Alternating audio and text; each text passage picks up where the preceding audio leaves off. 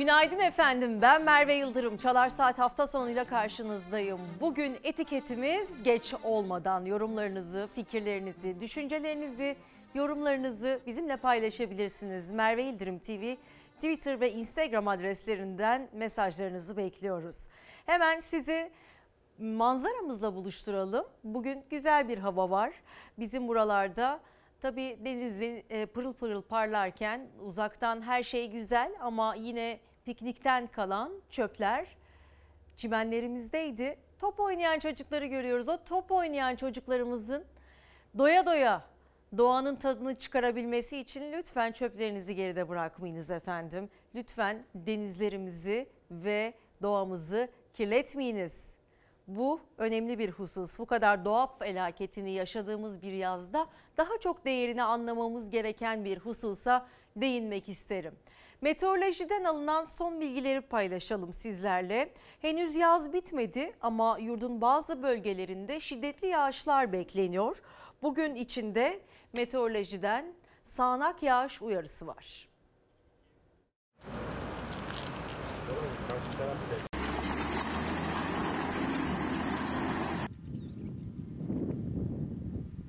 Yaz ortasında yağan yağmur su baskınına toprak kaymasına neden oldu. Evler sular altında kaldı, karayolu ulaşıma kapandı. Meteoroloji ise birçok bölge için sağanak yağış uyarısı yaptı. Kars'ta dün akşam saatlerinde yağdı yağmur. Yüksek kesimlerde etkili olan sağanak Susuz'a bağlı Aynalı köyünü vurdu. Yağmur nedeniyle köydeki evler su doldu. Vatandaşlar zor anlar yaşadı. Şiddetli yağış nedeniyle Artvin-Erzurum karayolunda kaya parçaları koptu. Kaya parçaları ve toprak birikintisi yola doğru sürüklenince yol ulaşıma kapandı. Yolun kapanmasıyla bölgede araç kuyruğu oluştu. Türkiye'nin çatısı en yüksek noktası Ağrı Dağı zirvesi ise beyaza büründü. Doğu Anadolu bölgesinde etkisini sürdüren yağmur Ağrı Dağı zirvesinde kara dönüştü. 5137 metre yüksekliğindeki zirvenin yaklaşık 3500 metresine kadar olan bölüm karla kaplandı. Öte yandan meteoroloji bugün için sağanak ve gök gürültülü sağanak yağış uyarısı yaptı. Yapılan uyarıya göre bugün Orta Karadeniz kıyıları, Doğu Karadeniz, İstanbul'un Anadolu yakası, Kocaeli, Sakarya, Yalova, Düzce ile Erzurum, Kars, Ardahan ve Van çevrelerinde sağanak ve gök gürültülü sağanak bekleniyor. Belirtilen bölgeler dışında hava sıcaklığında önemli bir değişiklik beklenmiyor. Sıcaklıkların güney kesimlerde yer yer mevsim normalleri üzerinde seyredeceği tahmin ediliyor. Gecenin sıcak gelişmesiyle devam edelim. İsrail savaş uçakları abluka altındaki Gazze şeridinin farklı bölgelerine hava saldırısı düzenledi. Saldırının gerekçesini ise gündüz saatlerinde Gazze'den İsrail tarafına açılan ateş olarak gösterdi.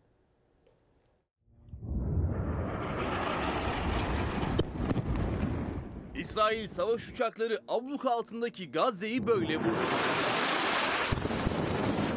İsrail'in Filistin'de saldırıları dün yeniden başladı. Gündüz saatlerinde Gazze'liler 1969 yılında Mescid-i Aksa'nın fanatik bir Yahudi tarafından yakılmasının 52. yılında gösteri düzenlemek istedi.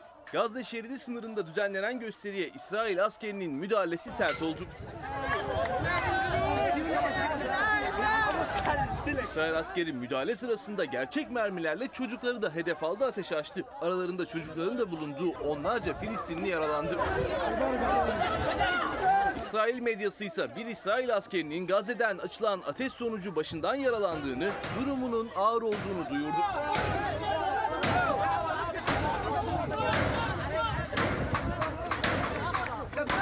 Gündüz yükselen tansiyon sonrası İsrail savaş uçakları gece vakti Gazze'yi hedef aldı. İsrail jetleri Filistin direniş gruplarına ait mevzilere havadan saldırdı. Gecenin karanlığı ve sessizliğini o saldırılar bozdu.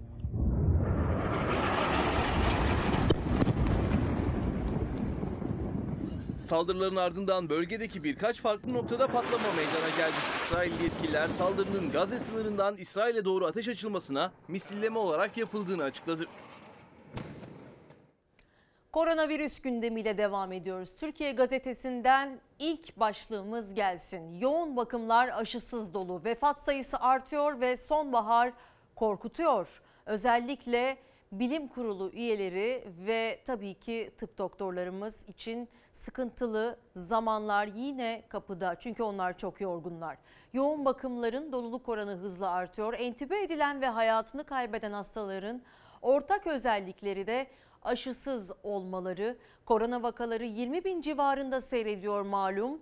Günlük vefat sayısı ise tam 200'ü açtı. E, aştı. Bir diğer gazetemiz de gelsin. Bu arada gençler yoğun olarak e, aşısız ve onlar için risk çok daha büyük. Çok daha ağır atlatıyorlar aşısız olanlar bu hastalığı ve delta mutasyonu gibi bir tehlikeyle karşı karşıyayız. Lütfen aşımızı olalım efendim. İddiaları çürüten iddiaları çürütülen aşı karşıtı sal- saldırganlaşıyor diyor bilim kurulu üyesi Profesör Doktor Alper Şener. Aşı karşıtlarının aşının içerisinde akla, vicdana, mantığa uymayan maddeler olduğunu iddia ettiklerini belirtti.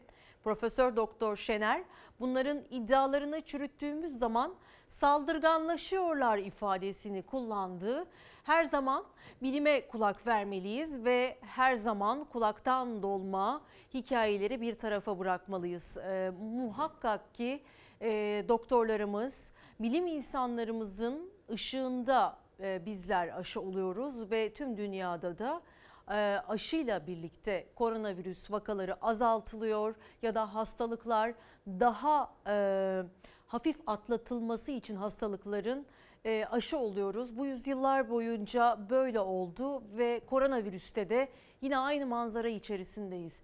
Bir diğer gazetemiz de gelsin. Özür dilerim. İzmir'de kabus geri dönüyor. Aşılamada yüksek oranlara ulaşan İzmir'de vakalar tekrar tırmanışa geçti. Vali Köşker kötü gidişin durdurulması için herkesi aşı olmaya çağırdı. Sadece İzmir'de değil ama Türkiye geneline baktığımızda zaten e, vaka oranlarının çok yüksek seviyelerde seyrettiğini aylardan beri gözlemliyoruz. Her ne kadar sıcak gündemle birlikte ikinci, üçüncü, dördüncü sıralara itilmiş olsa da pandemi haberleri halen bizi en çok endişelendiren unsurlar arasında. Bir de haritamıza bakalım. Hangi illerimiz kırmızı halen? Hangi illerimiz mavi yani aşılama oranına ulaşabildi? Buyurunuz efendim. Mavi illerimiz tabii ki geçtiğimiz haftalara oranla daha fazlalaştı ama Şanlıurfa ve Mardin halen kırmızı ve Türkiye genelinde %73.78 aşılama oranı. Vaka sayısı 19.351, vefat sayısı 232 ve uzmanlarımızın söylediğine göre bu vaka oranlarında ve yoğun bakım oranlarında yatan hasta sayısı e, hastalarımız arasında da aşısız olanlar çoğunlukta ve atlatmaları gerçekten güçleşiyor. E, Delta mutasyonuyla patlak veren koronavirüsteki dördüncü dalga ne yazık ki her gün 200'den fazla can almaya devam ediyor ve son 24 saatte can kaybı 232. Uzmanlar salgının aşısızları tehdit ettiğine dikkat çekiyor. Bunun önüne geçebilmek için de 6 Eylül'den itibaren PCR testi zorunluluğu geliyor. 15 günde toplam 2500 kadar çok yüksek bir rakam gerçekten. Ölüm sayılarının artması çok vahim tabii ki. Çünkü e, bunların çoğu genç insanlar. Hastalık ağır seyrediyor tabii bu aşısız olan hastalarda. Maalesef hayatlarını kaybedebiliyorlar. Doluluk oranı şu anda %60-70'ler civarında görünüyor. Oran artabilir. Durum işte bu kadar kritik. Yoğun bakımların %70'e yakını dolu. Delta varyantıyla birlikte dördüncü dalganın etkisini sert bir şekilde hissediyor artık Türkiye. 24 saatte 232 hasta daha yaşamını yitirdi. Vaka sayısı da hala 20 bin sınırında. 6 Eylül'de başlayacak olan PCR testi zorunluluğu öncesi uzmanlar artık salgının aşısızların salgını haline geldiğine dikkat çekiyor. Son ve acı örneği gazeteci Berna Nuri Süer oldu. Selamun Aleyküm ve Rahmetullah. Aşı karşıtıydı Süer. 57 yaşında iki çocuk babasıydı. Koronavirüse yakalandıktan sonra yoğun bakımda verdiği mücadeleyi kaybetti. Son yolculuğuna Tekirdağ'da uğurlandı. Eşi gazetecilere aşı propagandasına alet olmak istemiyoruz dedi. Kameralara konuşmayı reddetti. Aşı tembeli benim. Kendimi bir anda aşı tembellerin içerisinde hissetmeye başladım. Mesaj iki defa geldi.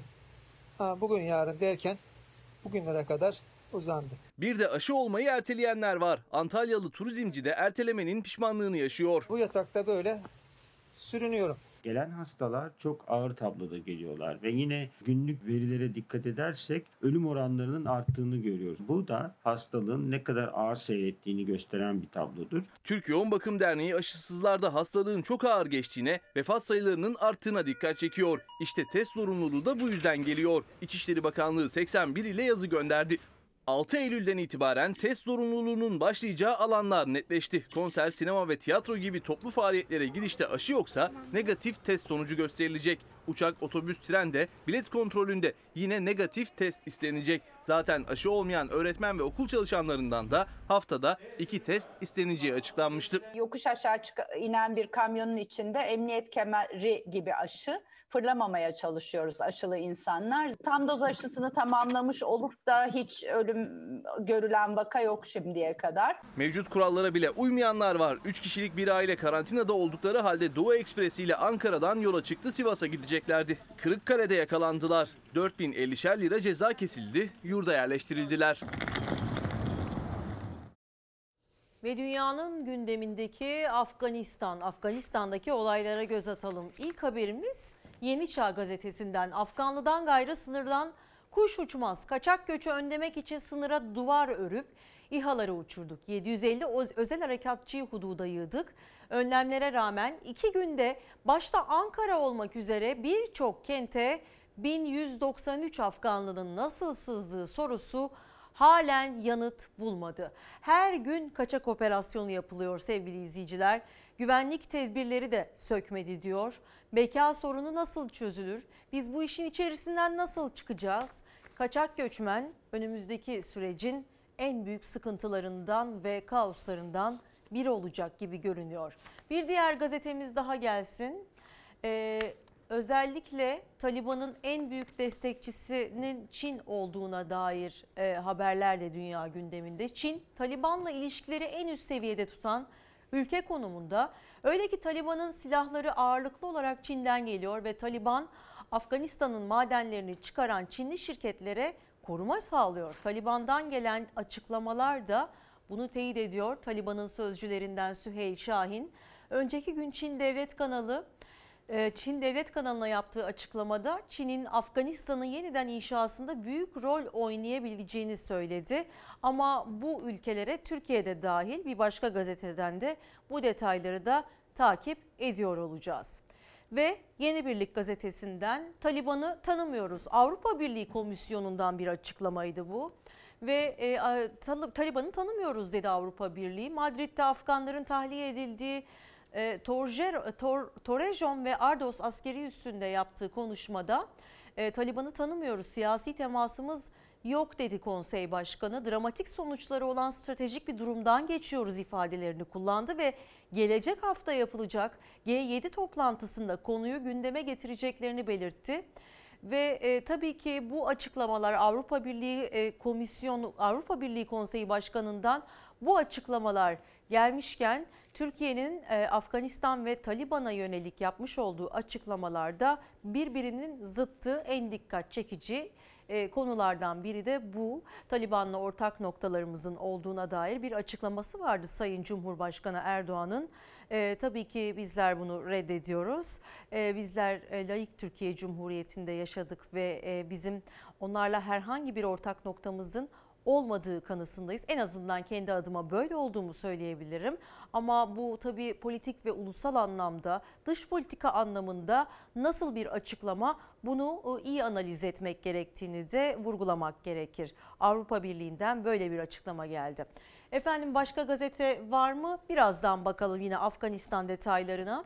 Afganistan'dan Taliban'dan kaçmak isteyen Afgan ailelerin dramı büyüyor ve Kabil'den tahliye edilen 160 yolcu daha Türkiye'ye geldi. Koyma koyma koyma ayağa değmez. Ses bana. Bayağı bir karabaşık vardı. Hırsızlık oluyor orada. Taliban'a millete uğruyor direkt. Afganistan'dan dönen Türk yolcu Kabil Havalimanı'nda yaşananları böyle anlattı. Aynı havalimanındaki bu görüntü ise tarifsiz bir acının resmiydi. Kalabalığın arasındaki bir baba kızının kucağında can verdiğini fark etti. Sarıldı, çöktüğü yerde kaldı. Kaçmak isteyen Afganlar korku içinde. En büyük zorluğuysa çocuklar yaşıyor. Tel örgü üzerinden Amerikan askerlerine verilen Afgan bebeğin tedavi edildikten sonra babasına teslim edildiği ortaya çıktı. Afganistan'da Taliban'ın kontrolü ele almasının ardından büyüyen kaos 5. gününü doldurdu. Ülkeden ayrılmak isteyen Afgan aileler Kabil Havalimanı'nda zor koşullarda sıranın kendilerine gelmesini bekliyor. Mahşeri kalabalıkta batılı ülkelerin askerleri Afgan vatandaşlarını çağırıyor. Belgelerini inceledikten sonra aileleri içeriye alıyor. Ülkedeki Türk vatandaşlarının tahliyesi de sürüyor. Son olarak Kabil'den Türkiye'ye dönmek isteyen yüzü aşkın Türk, askeri nakliye uçağı Herkül'le önce Pakistan'ın başkenti İslamabad'a ardından da İstanbul'a getirildi. Biz orada bayağı bir izdiham içinde yaşadık. Havalana girerken bayağı bir karabaşık vardı. Bayağı hırsızlık oluyor orada. Taliban'a millete uğruyor. Direkt havaya ateş yapıyorlar. Amerika Birleşik Devletleri Katar'daki El Udey hava üssünün dolmasıyla tahliyelere ara verdi. Biden, Amerikan ve Afgan vatandaşlarının havaalanına erişim sağlamak için Taliban'la yakın temas içinde olduklarını söyledi. Taliban militanları ele geçirdikleri şehirlerde güç gösterisi yapıyor. Kalat şehrinde ölüm timi geçit töreni düzenledi. Taliban, Afgan ordusundan ele geçirdiği Amerikan malı silahları da sergiledi. Taliban'a karşı tek direniş ülkenin kuzeyindeki Penşçir'de. Çatışmaların devam ettiği şehirde Afgan savaşçılar 60 Taliban militanını öldürdüklerini öne sürdü. Taliban ılımlı mesajlar vererek dünyayla iletişim kurmanın yollarını ararken Avrupa Birliği'nden Taliban'ı tanımıyoruz açıklaması geldi. Avrupa Birliği Komisyonu Başkanı Ursula von der Leyen, Taliban'la siyasi temasımız yok, Taliban'ı tanımıyoruz, sadece insan hayatını kurtarmak için onlarla operatif temasımız var dedi. Batı Karadeniz'i etkisi altına alan selle birlikte binalar yıkıldı. İnsanlarımızı kaybettik ve halen e, bulunamayan insanlarımız var.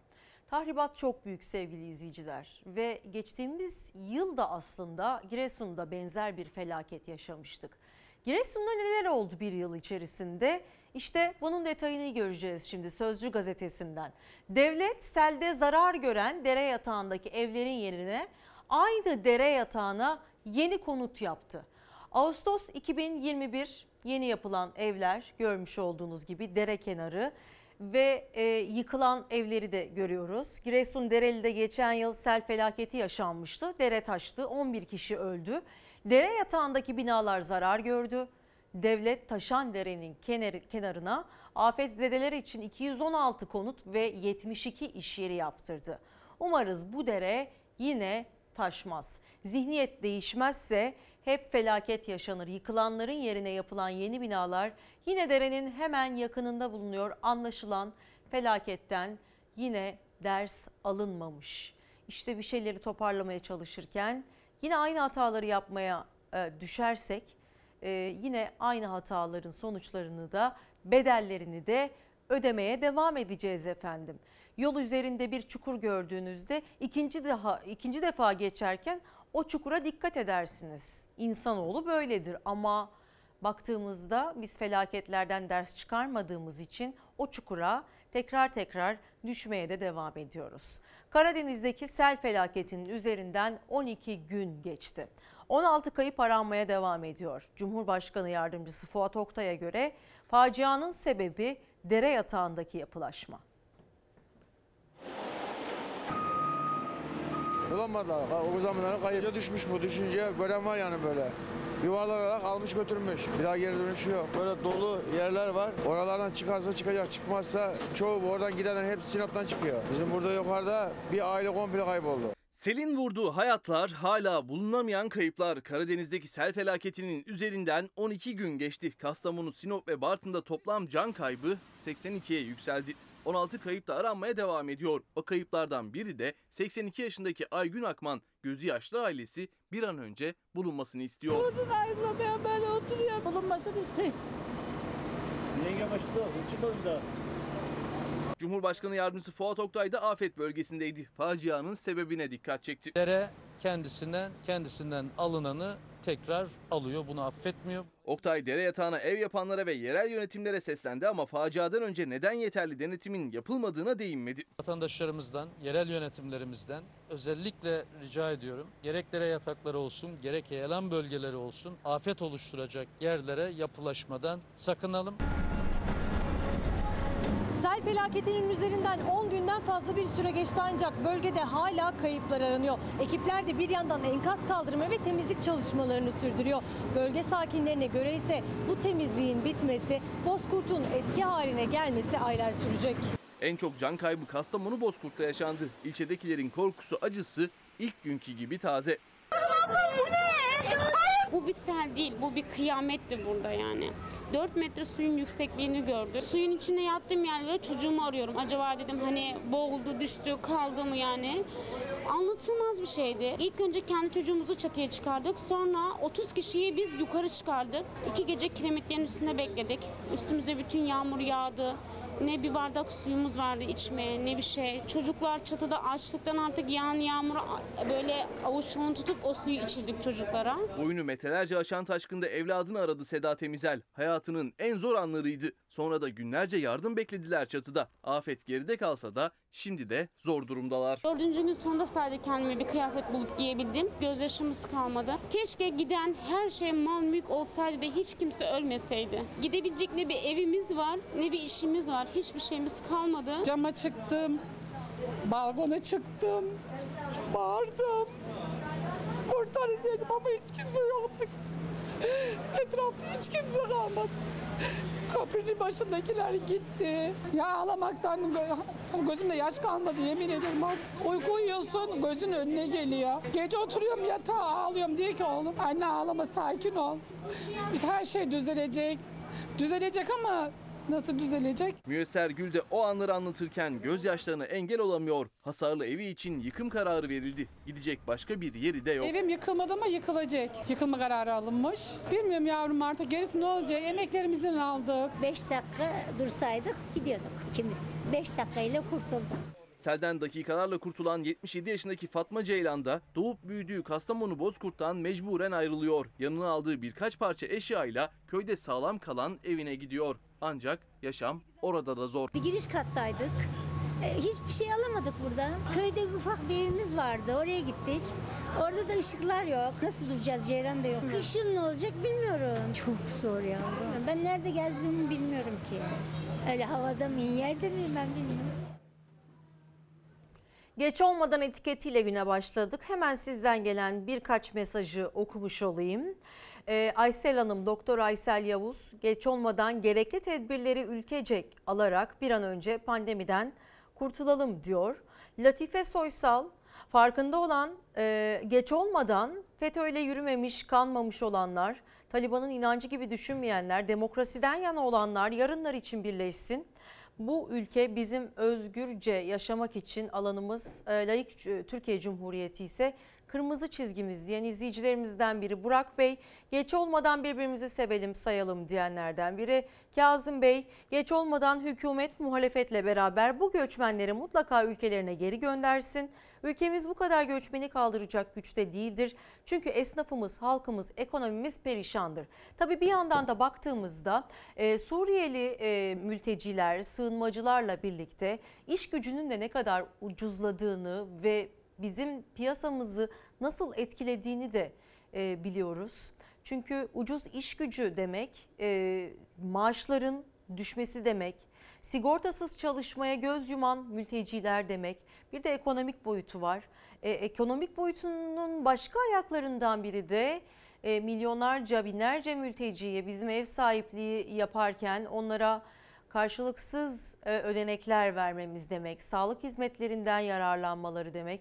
Bunların hepsi bir kriz aslında ve Türkiye Cumhuriyeti en başta kendi vatandaşını düşünmeli ve kendi vatandaşının en başta can güvenliğini, ekonomik sıkıntılarını çözmeli diye düşünüyorum efendim. Evrensel Gazetesi'nden günün manşeti kayyum inadına karşı mücadele sürecek. Boğaziçi Üniversitesi'nde üniversite bileşenlerinin itirazına rağmen rektörlüğe kayyum rektörün yardımcısı Naci İnci atandı. Boğaziçi öğrencileri ve akademisyenleri mücadele sürecek dedi. İstenmeyen bir rektördü İnci. Boğaziçi Üniversitesi'nde akademisyen ve öğrencilerin aylar süren direnişi sonrası görevden alınan kayyum rektör Melih Bulun'un yerine yardımcısı atanmıştı. Ee, ve Boğaziçi'de akademisyenlerin adaylığına %95 oranında karşı çıktığı İnci vekaleten rektörlüğe atandığında ilk iş olarak akademisyen Can Candan'ın görevine son vermişti. Ve böylelikle bir gece Cumhurbaşkanı kararıyla vekil rektör olan e, İnci e, resmen rektör oldu efendim.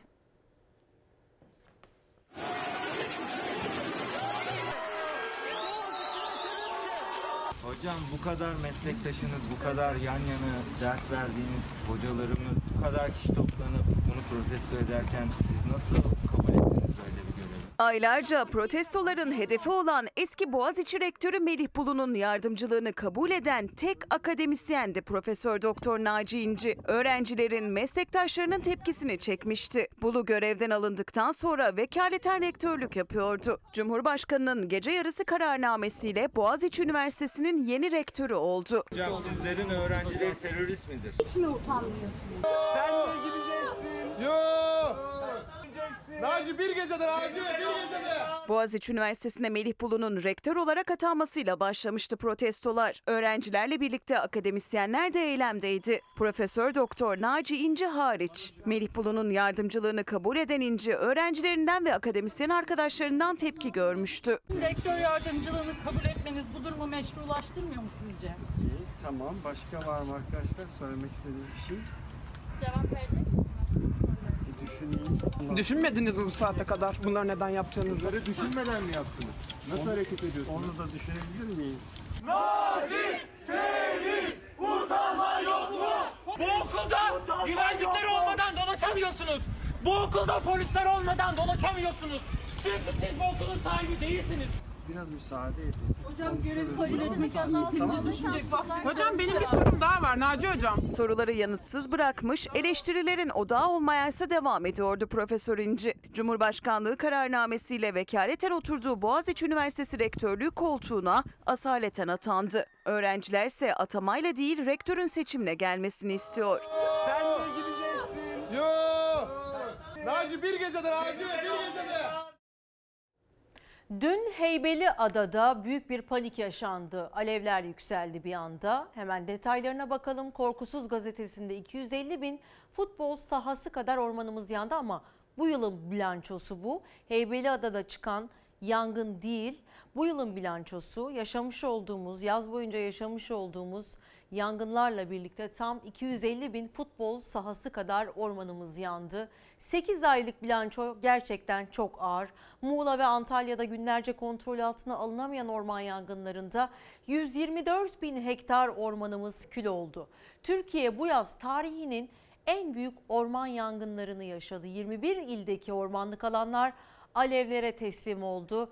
14 günde kontrol altına alınabildi. Çok geç kaldık söndürmek için. Söndürme uçaklarının e, yetersiz olduğu skandalı ortaya çıktı. Aslında skandal cümleler ve tarihe kazınacak cümleler duyduk sorumlu kişilerin ağzından ve insanlar çaresiz bırakıldı. Bu da yatsınamaz bir gerçekti efendim. Ama Heybeliada'ya baktığımızda dün ucuz atlattı. Adadan yükselen dumanlar bir anda gökyüzünü kapladı. Vatandaşlar zincir olup seferber oldular. Elden ele su bidonlarıyla alevlere müdahale ettiler. 13.05 sıralarında eski değirmen yeri bölgesinde ormanlık alanda çıktı yangın. Dumanları fark eden adalılar yetkililere haber verdi. Bölgeye bir yangın söndürme uçağı ve 3 helikopter sevk edildi. Alevlere havadan ve karadan müdahale edildi ve 14.55'te kontrol altına alındı. Bölgede soğutma çalışması da başlatıldı. Her şey esasında e, sıkı yönetim ve erken müdahalede bitiyor. Gerekli envantere sahip olmakla alakalı Heybeliada'daki yangın korkuttu. 1 saat 40 dakikada söndürüldü. Yeni Şafak gazetesinden de böyle bir kare paylaşıldı efendim. Yangının adresi bu defa İstanbul Heybeliada'ydı. Ormanlık alandan alevler yükseldi ve rüzgarın şiddetiyle de hızla yayıldı. Ama bu kez Dediğimiz gibi tüm imkanlar seferber edildiği için yangın kısa sürede kontrol altına alındı. Kaç kaç kaç kaçın. Yanıyoruz kaçın. En aleye bir yere çıkmaya çalış. Yukarıya doğru çıkıyorsunuz. Tamam tamam suya alsın. Şuna bir boy daha boru ekleyelim be.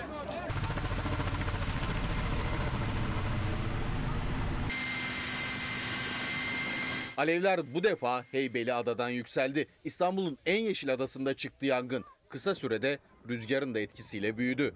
Önce adada yaşayanlar su taşıyarak müdahale etti. Ardından havadan ve karadan çok yoğun müdahale başladı alevlere. Yangın 1 saat 40 dakikalık mücadelenin ardından söndürüldü. Yardım et yardım et.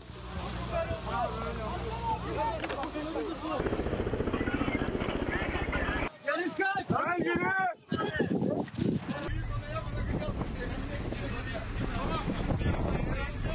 Saat 13.15'te ormanlık bölgede başladı yangın. Yerleşim yerlerinden uzaktı. Heybeliada'dakiler hemen insan zinciri oluşturdu. Bidon bidon su taşıdılar. Hemen ardından adada bulunan itfaiye ekipleri ve bir toma yangın bölgesine gitti. Dumandan etkilenen iki itfaiyeci hastaneye kaldırıldı.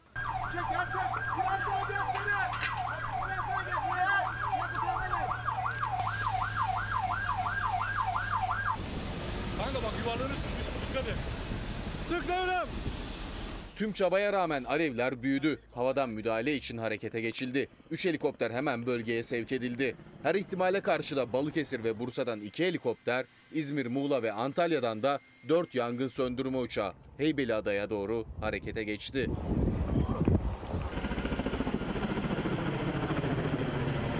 Kıyı Emniyeti adada yaşayanların tahliyesi için 3 bot ve Nene Hatun gemisini görevlendirdi. Milli Savunma Bakanlığı'na bağlı çıkarma gemisi ve yangın söndürme araçları da çok geçmeden yola çıktı. Çam Limanı mevkiinde bulunan 230 kişi güvenli bölgelere sevk edildi. Tüm imkanları seferber edildiği yangın saat 14.55'te kontrol altına alındı. İstanbul Valiliği yangının çıkış sebebiyle ilgili soruşturma başlatıldığını duyurdu.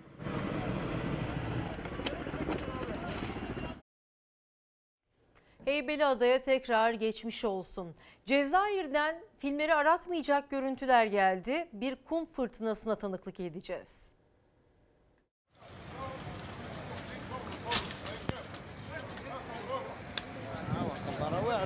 Benzerine filmlerde rastlanabilecek bir sahne gerçek oldu. Kum fırtınası nedeniyle göz gözü görmedi. Cezayir'de kaydedildi bu görüntüler. Kum fırtınası bir anda belirdi, bir kenti tamamen kapladı. Gökyüzü kızıla büründü. Kum fırtınası nedeniyle trafik durma noktasına geldi. Sürücüler trafikte zor anlar yaşadı. Yetkililer solunum rahatsızlığı olanlara mümkün olduğunca dışarı çıkmayın tavsiyesinde bulundu. Korkusuz gazetesinden bir detay. Bir video uğruna canından oldu. Kübra Doğan 23 yaşında ve kuzeni Helen 16 yaşında. O anları TikTok'a koymak isteyen bir genç kız 5 katlı binanın çatısından düştü. Dehşet İstanbul Esenyurt'ta yaşandı.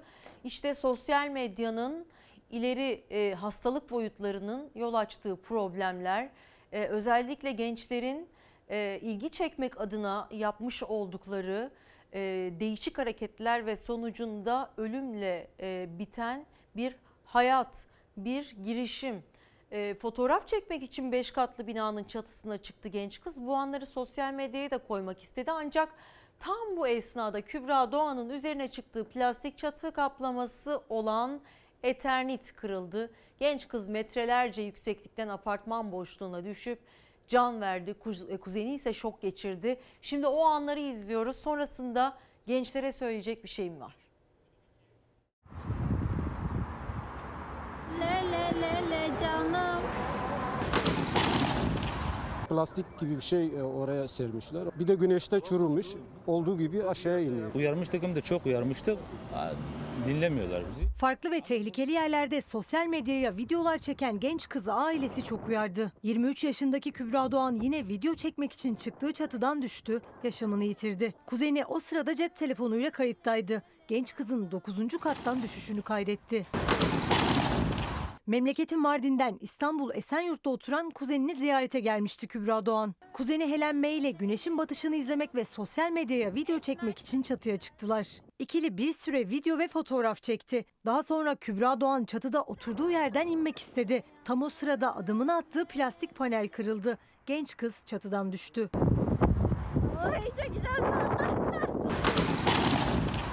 Kuzeninin düştüğünü gören Helen May kısa bir süre dondu kaldı. Kübra Doğan'ın acılı ailesi genç kızı defalarca uyardıklarını anlattı. Bir de çatıdaki dayanıksız malzeme nedeniyle müteahhiti suçladılar. Peşini bırakmayacağız dediler. Burada müteahhitin de yani çok büyük bir kusuru var. Bunun da peşini bırakmayacağız. Yani düşünsene ya. Kız ayağını atar atar altından hemen kırılıp 9. kattan yere düşüyor yani. Le le le le canım.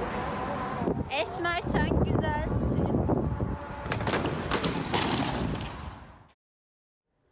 Özellikle gençler e, birbirlerine özenerek bu gibi aksiyon dolu girişimler içerisinde bulunabiliyorlar. Garip garip hareketler yapmak size bir şey kazandırmaz sevgili gençler. E, ama ailelerin de bu konuda e, tabii ki sözlerinin geçtiğini söyleyemeyiz. Delikanlı olmak diye bir terim vardır.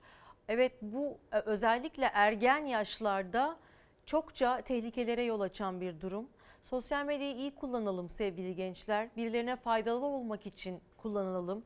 Çünkü anlıyorum e, iyi bir gelir kapısı ve e, herkes oradan e, kendine yeni gelir kapıları açmak için mücadele ediyor. Fenomen olmaya çalışıyor ama hayat bu değil sadece. Hayat insanlara faydalı olmaktır. İnsanlara iyilikleri ve güzellikleri verebilmektir. Lütfen biraz daha dikkatli, e, son kötü sonuçlar doğurmayacak, felaketlere yol açmayacak paylaşımlarda bulun- bulunalım. Sadece gençler için değil, biz yetişkinler için de aynı şey geçerli.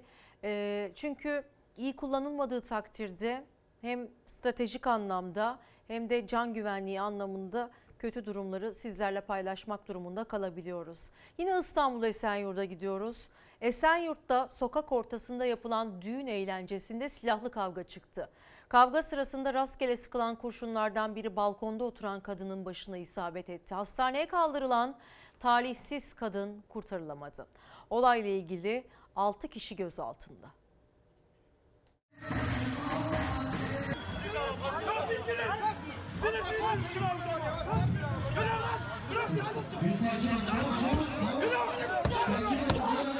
Burada düğünü izleyen bir hanımefendi kurşun maganda kurşunu giriyor.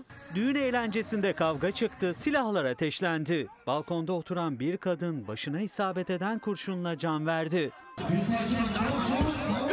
İstanbul Esenyurt'ta mahalle arasında yapılan düğünde halaylar çekildi, oyunlar oynandı. Eğlenceli başlayan gece iki grup arasında yaşanan tartışmayla bir anda tersine döndü. Yaralılar da var. Köprü üstünde insanlar ayaklarından vurulanlar, kolundan vurulanlar. Rastgele sıkılan kurşunlardan biri o sırada balkonda düğünü izleyen 54 yaşındaki Aysel Akkale'nin başına isabet etti. Kavgaya karışanlar arasında da yaralananlar oldu. Kadın acil hastaneye götürüyorlar. Hastanede ölüyor. İhbar üzerine olay yerine çok sayıda polis ve sağlık ekibi sevk edildi. Yaralılar sağlık ekiplerinin yaptığı ilk müdahalenin ardından ambulansla hastaneye kaldırıldı. 5 çocuk annesi 54 yaşındaki Aysel Akkale yapılan tüm müdahalelere rağmen kurtarılamayarak can verdi. Şehir aşkıyaları artık kol geziyorlar. Bunu yargının önüne çıkarsın ve milletin canı yanmasın. Polis çevrede geniş güvenlik önlemi aldı. Olayla ilgili 6 kişi gözaltına alındı. Gözaltına alınan zanlıların silahla yaralama, uyuşturucu ve hırsızlık gibi birçok suçtan poliste kayıtları olduğu belirlendi. Eğer ateş etmeye meraklıysanız bunun için e, uygun mekanlar var, poligonlar var örneğin. Rastgele havaya ateş açmanın sonuçları işte böyle maganda kurşunu diyoruz biz bunlara. Ve ruhsatsız silah satışının da aslında ne kadar yaygın olduğunu, bireysel silahlanmanın ne kadar yaygın olduğunu da bir kez daha belirtmek gerekiyor.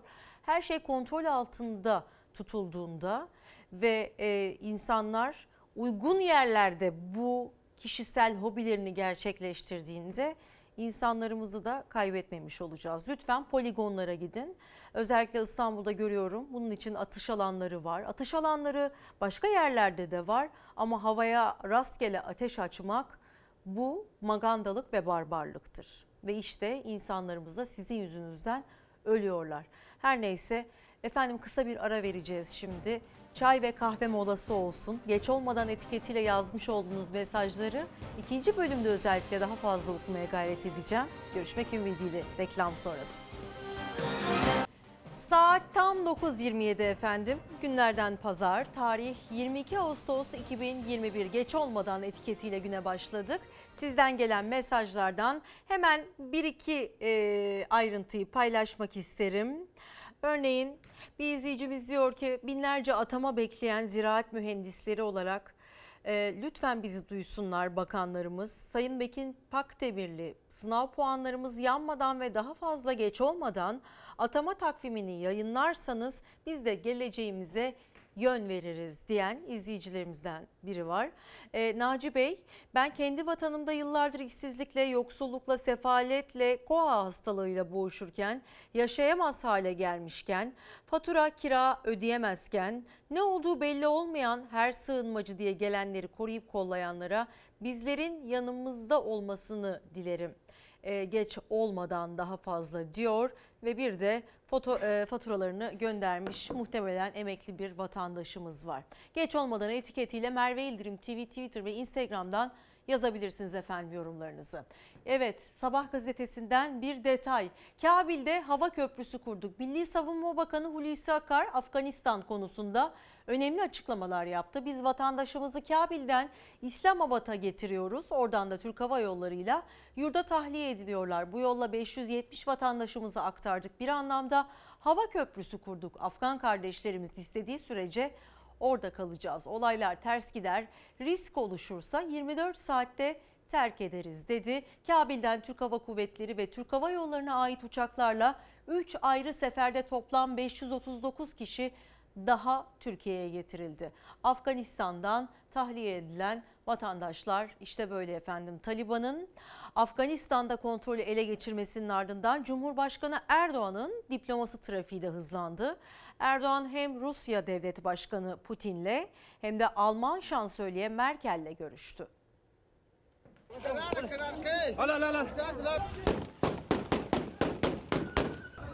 Taliban'ın Afganistan'da kontrolü ele geçirmesinin ardından Cumhurbaşkanı Erdoğan'ın diplomasi trafiği hızlandı. Erdoğan hem Rusya Devlet Başkanı Putin'le hem Alman şansölye Merkel'le görüştü. Afganistan'daki son durumu ve yeni göç dalgası riskini değerlendirdi. Başkent Kabil'i ele geçirmesinin ardından 20 yıl aradan sonra Taliban Afganistan'da kontrolü ele geçirdi. Afgan halkı ülkeden kaçmaya başladı. Yaşanan gelişmeler ve göç riski üzerine dün akşam saatlerinde Cumhurbaşkanı Erdoğan diplomatik temaslarına devam etti. Rus lider Putin'le telefon görüşmesinde Cumhurbaşkanı Erdoğan Taliban'la diyalog kanallarının açık tutulmasının önemine dikkat çekti. Katı bir tutum yerine kademeli bir angajman izlenmesi gerektiğini vurguladı. İki lider Kabil Havalimanı'nın durumunu da ele aldı. Erdoğan, Türkiye'nin uygun şartların sağlanması halinde havalimanının güvenliği ve işletilmesi sorumluluğunu devam ettirebileceğini belirtti. Erdoğan'ın Almanya Başbakanı Merkel'le olan görüşmesinde ise Afgan göçü masadaydı. Cumhurbaşkanı Recep Tayyip Erdoğan, Afgan halkına acilen Afganistan'da ve Afganistan'a komşu olan ülkelerde yardım sağlanmanın zorunluluğunu hatırlattı. Erdoğan Merkel'e göç uyarısı da yaptı. Tedbir alınmazsa yeni göç dalgasının kaçınılmaz olduğunu hatırlattı ve Türkiye'nin yeni bir göç yükünü kaldıramayacağını söyledi. Sınırsız kucak açarken bizler Afganlara Avrupa Birliği ülkeleri de kendi önlemlerini almaya başladı. Avrupa duvarı ördü. Af- Avrupa Afganistan'ın Taliban kontrolüne geçmesiyle hız kazanan göçmen akınına karşı set çekti. Brüksel kapıdaki insani krize ilişkin Ankara'ya rol biçerken Atina sınırına 40 metre 40 kilometre çelik duvar ördü. Tahran'ın önemine dikkat çeken Erdoğan Avrupa Birliği İran'a yardım etmezse yeni göç dalgası kaçınılmaz dedi. Karar gazetesinin manşetinde bugün işte Haberin detayları var. Erdoğan baskı artacak işbirliği sergilenmeli açıklamasını yaptı. Yunanistan pasif bir şekilde bekleyemeyiz dedi. Tabi herkes kendi sınırlarını ve kendi ülkesini koruma e, döneminde özellikle Avrupa Birliği ülkeleri ama Türkiye'ye baktığımızda işler daha farklı. Türkiye'nin gözü bir yandan da İran sınırında. Yeni Afgan göçüne karşı önlemler artırılırken Cumhurbaşkanı Erdoğan düzensiz göçmenlerin Türkiye'de yol açtığı huzursuzluğun farkındayız demişti. Kurmayı AK Parti Grup Başkan Vekili Bülent Turan da konuştu. Bunu ulusal bir mesele gibi ülkenin huzurunu bozacak bir adımmış gibi değerlendirmek doğru değil dedi. Düzensiz göçmenlerin ülkemizde yol açtığı huzursuzluğun farkındayız. Türkiye'nin huzurunu bozacak bir adımmış gibi değerlendirme doğru bulmuyorum. Cumhurbaşkanı'nın açıklamasından iki gün sonra AK Parti Grup Başkan Vekili Bülent Turan'ın sözleri Erdoğan düzensiz göçmenlerin Türkiye'de huzursuzluk yarattığının farkındayız demişti. Bülent Turan ise huzursuzluk yaratacak bir tablo yok dedi. 5 milyon Suriyeli deniliyor. Dünyanın her tarafından gelen insanlarla birlikte 10 milyon göçmen ya da sığınmacı var ülkemizde. Soru şu, bu nüfus dengesini değiştirmek için bu yetkiyi kimden aldın kardeşim? Biz sadece kendimizi düşünerek kapımıza gelenlere sırtımızı dönecek cibilliyette, karakterde bir toplumda değiliz. Şimdi Afganistan'dan binlerce kişi sürüler halinde 2400 kilometre yolu aşıyorlar. Otobüslerle, tırlarla geliyorlar. Sözde sınır kapınız kapalı değil mi? Hikaye o kapı kapalı, bütün sınır açık. Bir yanda sayıları 4 milyon aşan Suriyeli göçmenler, diğer yanda Afgan göçü. Cumhurbaşkanı Erdoğan Amerika ile Afgan göçmenlere ev sahipliği yapma konusunda bir anlaşma yapıldığı iddiasını yalanladı. Sınır güvenliğinin artırıldığını söyledi. Ancak düzensiz göçmenler konusunda toplumda bir huzursuzluk olduğunun da farkındayız dedi. Bir kısım iş sahipleri köle gibi göçmen çalıştırıyor. Kriminal mevzular var, oradan problemler var. Türkiye'nin demografisinin değişmesine dair endişeler var. Bu endişeyi taşıyanlardan biri de benim. Tabii ki hatalar, eksikler olabilir. Ama bunu bir ulusal mesele gibi, Türkiye'nin huzurunu bozacak bir adımmış gibi değerlendirme doğru bulmuyorum. AK Parti Grup Başkan Vekili Bülent Turan'a göre göçmen politikasında hatalar, eksiklikler var ama ulusal düzeyde huzursuzluk yaratacak bir tablo yok. Huzursuzluğun farkındayız diyen Cumhurbaşkanı Erdoğan ise Yunan Başbakan Mitsotakis'e yaptığı görüşmede yeni göçlerin yaratacağı riske özellikle dikkat çekti. Cumhurbaşkanı Erdoğan Afganistan'da geçiş dönemi tesis edilemezse zaten üst seviyelere ulaşan göç baskısının daha da artacağına, bu durumun herkes için ciddi bir meydan okuma teşkil edeceğine dikkati çekti. Türkiye elbette yol geçen hanı değildir. Yunanistan Göç Bakanı İran üzerinden Türkiye'ye gelecek Afgan göçmenlerin Avrupa'ya geçişinde kapı olmayacağız açıklaması yapmıştı. Cumhurbaşkanı Erdoğan da Yunan Başbakan'a göç konusunda işbirliği içinde çalışılması gerektiğini söyledi. Gelişmeleri takip ediyoruz. Afganistan politikalarını yakından bildiğimiz ülkelerle müzakere halindeyiz. Cumhurbaşkanı Erdoğan Rus lider Putin'le de Afganistan'ı konuştu. Taliban'ın yönetimi ele geçirmesi sonrası Kabil Havalimanı'nın yönetimi ve güvenliği nasıl sağlanacak konusu da gündeme geldi. Erdoğan, Kabil Havalimanı'nın güvenliği ve işletilmesi sorumluluğunu uygun şartların oluşması halinde gelecekte de Türkiye'nin devam ettirebileceğini söyledi. CHP Genel Başkanı Kemal Kılıçdaroğlu ve İstanbul Büyükşehir Belediye Başkanı Ekrem İmamoğlu Nevşehir'de Hacı Bektaş Veli anma törenine katıldı. Ne sen beni unut Ne de ben seni Ne sen beni unut Ne de ben seni Hacı Bektaş Veli'nin gönül dostları beraberiz. Bir bilgeyi, bir saygın insanı, bir gönül insanını Hacı Bektaş Veli'yi anıyoruz. Kerameti taşta değil başta görenlerin, dostu yaralandığı için gönlü hoş olmayanların, incinsen de incitmeyenlerin bu büyük buluşmasında sizlerle birlikte olmanın onurunu yaşıyorum. CHP lideri Kemal Kılıçdaroğlu ve İstanbul Büyükşehir Belediye Başkanı Ekrem İmamoğlu Nevşehir'de Hacı Bektaş Veli anma törenine katıldı. İslam barış, kardeşlik ve adalet dinidir. İslam akıl dinidir. 58. Ulusal 32. Uluslararası Hacı Bektaş Veli anma programı vardı dün.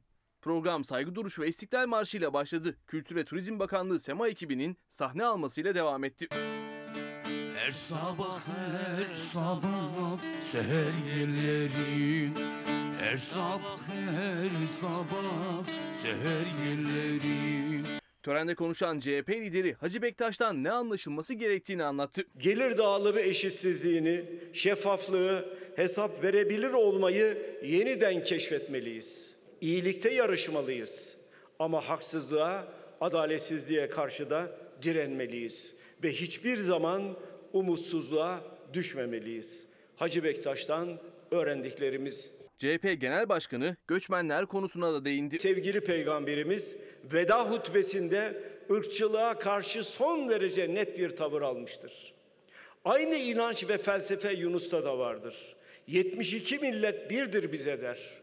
Hacı Bektaş Veli de dili, dini, rengi ne olursa olsun iyiler iyidir.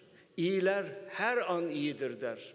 Ülkemizdeki mültecilere, sığınmacılara karşı da ırkçılık yapmadan yaklaşmalıyız. Törenin ardından Kılıçdaroğlu ve İmamoğlu Hacı Bektaş Veli Müzesi ve Türbesi'ni de ziyaret etti.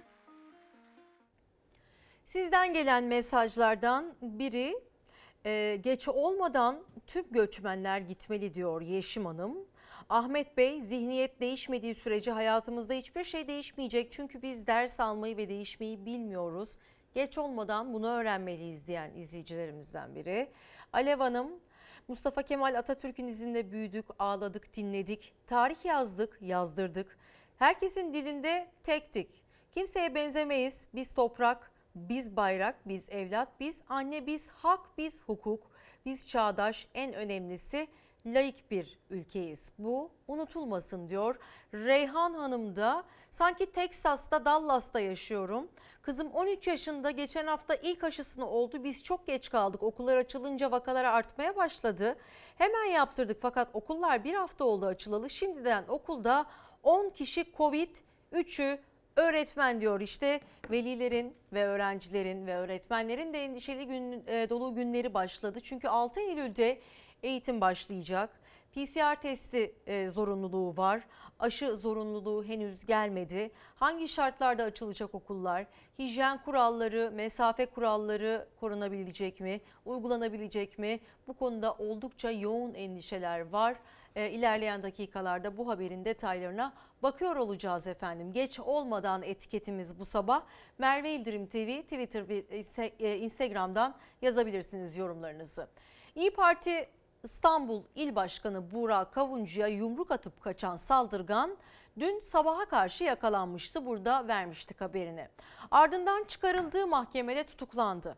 Kavuncu ise bu saldırının organize bir saldırı olduğunu iddia ediyor.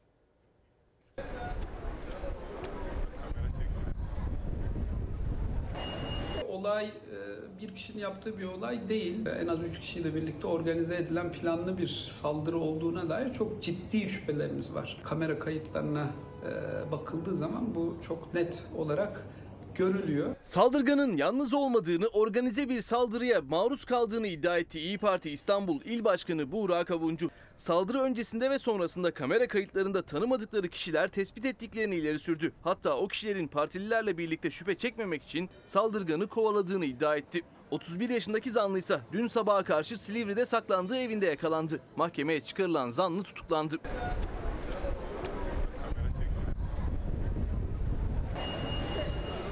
Saldırganın yakalandığına dair tabii e, sadece işte doğum tarihi ve isminin soy isminin baş harfleriyle ilgili elimizde bir bilgi var. Kimdir, nedir, necidir bununla alakalı bir e, bilgi henüz bize ulaşmış değil. Burak Avuncu İstanbul Bakırköy'de Halk TV'de katıldığı canlı yayın sonrasında uğradı saldırıya. Saldırgan bir anda geldi, yumruk attı ve kaçtı. Peşinden partililer uzun süre koşsa da kayıplara karıştı.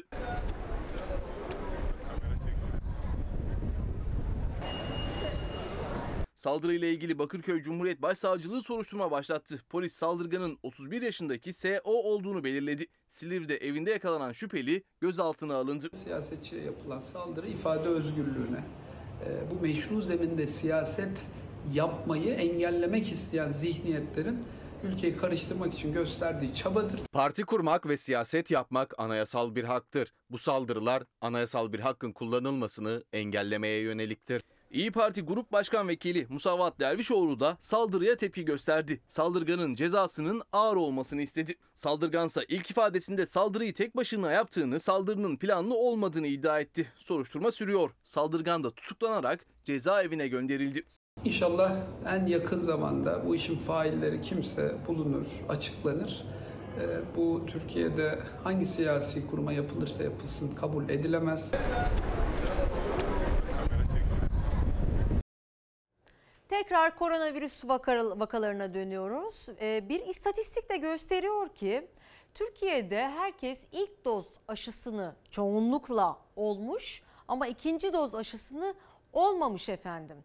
Ve bu da yoğun bakımdaki hasta oranını yükseltiyor. Trabzon'da hastanelerde tam aşılı hasta yok. Trabzon Sağlık Müdürü Hakan Usta aşı olmamış olanlar hastanelerdeki hastaların %55'ini 60'ını oluşturuyor dedi ve iki doz BioNTech yapılıyor. Akabinde kendisi de iyi korunamadığı için 3-5 gün içerisinde Covid oluyor.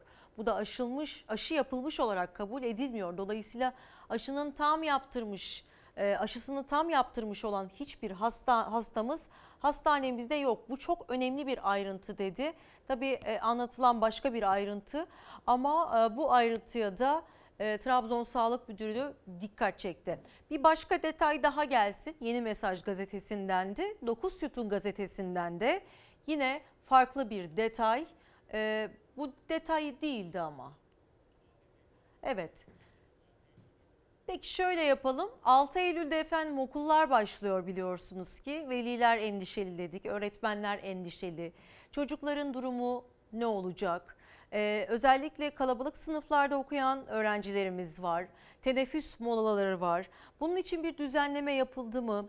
Dezenfektan ya da hijyen kurallarını koruyabilecek miyiz? Bunların hepsi bir muamma. 6 Eylül'de okulların başlayacak olmasını duyan veliler, öğrenciler ve öğretmenler, okul çalışanları endişeleri peki hangi e, şartlarda başlayacak okul? İşte haberimiz. Gelmemiz bizi inanılmaz mutlu etti. Çocuklarımın sağlığı için tabii ki endişeli. Ne gerekiyorsa en iyisini istiyoruz çocuklarımız için. Maske, mesafe, hijyen diye kısaca sö- söylediğimiz sözler ciddi bir ek bütçe ve ciddi bir Milli Eğitim Bakanlığı çalışması gerektiriyor. Ancak biz buna dair bir çalışmanın yapıldığını düşünmüyoruz. dezenfekte edilmesini, hani buharlı temizlemeleri, işte çocukların sırayla teneffüse çıkmasını. Milli Eğitim Bakanlığı 81 ildeki okullara pandemi uyarısı gönderdi. Maske, mesafe ve hijyen kurallarına titizlikle uyulması gerektiğinin altı çizildi. Ancak eğitim sene göre uyarıların uygulanabilmesi için gereken bütçe ayrılmadı. Çünkü hala sınıfların kalabalık olduğu, hijyenin sağlanmasının mümkün olmadığı okullar var. Kapıda öğrencilerimizin ateşinin ölçülmesi, maskenin değişikliği veya maskesi olmayan çocuklara ücretsiz maske temini konusu son derece önemli. Bir metre arayla okulun içine girişinin sağlanması, çocuklarımızın arasında bir, bir, bir buçuk metre e, e, mesafenin olması, öğretmenin etrafında da dört metrekare mesafenin olması, sıralarda tek öğrenci oturacak biçimde bir a, alan açılmak durumunda. HES kodlarını aldılar, ailelerin aşı durumunu öğrendiler. Velilerin girmesi yasak. Bir de sınıf kapasitelerini azalttılar. Bu bir özel okul mu? Özel okul evet. Devlet okulu olsa çok iyi olan okullar olduğunu duydum. Ama bazıları da hiç iyi olmadığını tahmin ediyorum. Ya sonuçta 50 kişilik sınıfta iki öğretmen ne kadar yetişecek o da var. Yani iş- Allah yardımcılar olsun işleri zor. Sınıflardaki kalabalık azaltılacak mı? Hijyen için gereken malzemeler sağlanacak mı? Eğitimcilere bildirilmedi. Milli Eğitim Bakanlığı yazıyı gönderdi ama alınan tedbirleri detaylı olarak duyurmadı. Milli Eğitim Bakanlığı okullarda maske, mesafe, hijyen kurallarına uyulsun diye gerekli uyarıları 81 ile gönderdi ancak velilerin aklındaki soru işaretleri bitmiyor. Her konuda soru işaretlerimiz dolu. Ne yapacağımızı şaşırdık aslında da. Sizin sınıfınız kaç kişi? 39 kişiydi en son. Hala çok kalabalık ilkokullarımız var. İki hafta içerisinde bu önlemlerin alınması e, gerçekten güç. Etkin çabalar alınırsa kısa bir süre içerisinde e, seyreltme çalışmaları sürdürülebilir. Sınıfların seyreltilmesi sosyal mesafenin sağlanması için çok önemli. Hayati olan bir diğer nokta ise aşılama. Öğretmenlerin %20'si henüz hiç aşılanmadı. 15 yaş üstünün aşılanması ise hafta başından bu yana devam ediyor. İlk doz aşımı oldum. Ee, okulların açılacağı için kendimi koruma almak istedim. Fark ettim ki eee, aşı olmadan bu süreç bitmeyecek. Eğitime devam edemeyeceğiz. O yüzden aşı olmamız gerekiyor. Lütfen herkes aşı olsun. Özgüner e, isimli kullanıcı iyi yayınlar. E, ülkemizde yaşadığımız ve yaşayacağımız tüm felaket ve sorunlarla baş edebilmek neredeyse imkansız hale gelmişken daha ne kadar geç olabilir ki diyor. Bir başka izleyicimiz Baki isimli izleyicimiz geç olmadan yanan araçlarımızın yerine yanan e, ormanlarımızın yerine fidan dikmeliyiz. Bu mülteci sorununa çözüm bulmamız lazım. En önemlisi geç olmadan erken seçime gitmemiz gerekiyor bana kalırsa diyor. Kazım Bey ülkemizin geleceği halkımız için birlik beraberliğimizi korumalıyız. Daha fazla geç olmadık e, geç olmadan diyenlerden biri. E, Yıldız Hanım da diyor ki gidişat ülkenin gidişatı bana kalırsa hiç iyi gitmiyor. Ancak yapılacak tek şey mültecilerin bir an önce geri gitmeleri. Orman yangınları içinde günlerce ciğerimiz yandı. Lütfen artık ormanlarımıza, ormanda yaşayan hayvanlarımıza dokunmayın diyor efendim.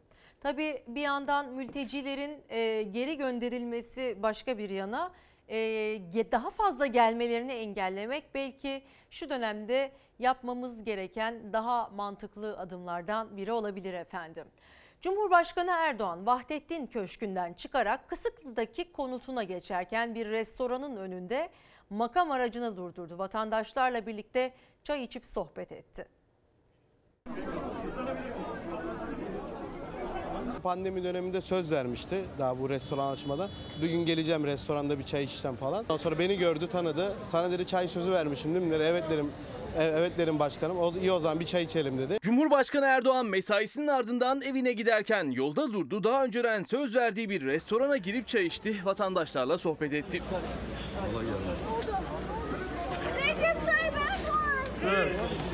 Cumhurbaşkanı Recep Tayyip Erdoğan dün Vahdettin Köşkü'ndeydi. Mesaisinin ardından Kısıklı'daki evinin yolunu tuttu. Yolda ilerlerken bir restoran sahibi Erdoğan'ın yolunu kesti. Ona Karadeniz pidesi ikram etti.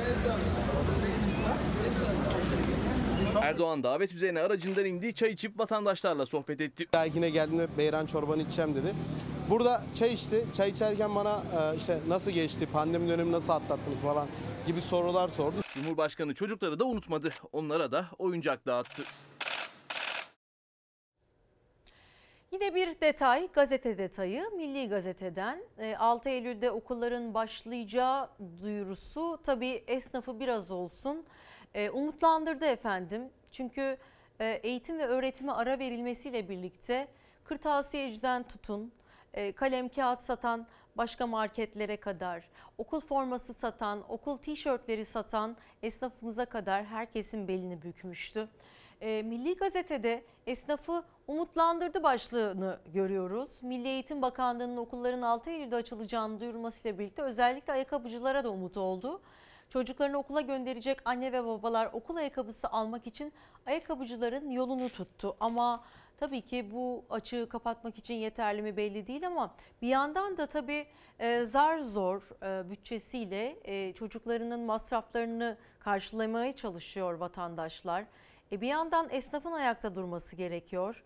Ama rakamlara baktıklarında e, bir öğrenciyi okula göndermek, onun masrafını karşılamak, devlet okulunda dahi okusa öğrencimiz kolay iş değil. Asgari ücretli e, çoğunlukta çalışan bir ülkede yaşıyoruz ne yazık ki. E, ve vatandaşlarımızın çoğu özel sektörde bile asgari ücretle çalışıyor. Kirası var, e, faturaları var, temel ihtiyaçları var. Onlar için hayat hiç kolay değil. O yüzden bir de bunun üzerine eğitim ve öğretim masraflarını karşılayabilmek adına veliler de büyük mücadeleler veriyor. Öğrenciler üniversitelerde yüz yüze eğitim kararının ardından okudukları şehirlerde ev arayışına da başladı üniversite öğrencilerimiz. Ancak onların da belini büken bir durum söz konusu. Kiralar çok yüksek. Okulların yüz yüze yapılacak olması birçok öğrenciyi daire arayışına yöneltti. Burada da şehir dışında da genel olarak yüksek öğrencilere daha da yüksek veriyorlar. Geçen sene bu tarz daireleri aynı binada 1700-1800'e kiralıyorken şu an inanılmaz bir artış söz konusu. 2400-2500'den aşağı buna emsal daire yok ne yazık ki. Konut fiyatlarıyla birlikte kiralar da yüksek. Üniversitelerde yüz yüze eğitim takvimi netleşince şehir dışında okuyan öğrencilerin de kiralık ev telaşı başladı. Bu da bazı bölgelerde fiyatların daha da artmasına neden oldu. Her yıl olduğu gibi yine bazı ev sahipleri üniversitelilerin ev arayışını fırsata çevirdi. İstanbul'da da öğrenciye çok farklı fiyat veriliyor. Ee, bu şehir dışında özellikle işte Eskişehir, Ankara gibi yerlerde çok daha fazla. Öğrenciye genel olarak ev vermek istemedikleri için daha yüksek tutuyorlar fiyatları. Bakırköy'deki bu daire 2 artı 1 65 metrekare. Son kiracıları da öğrenciydi. En son kiraları 1800 liraydı.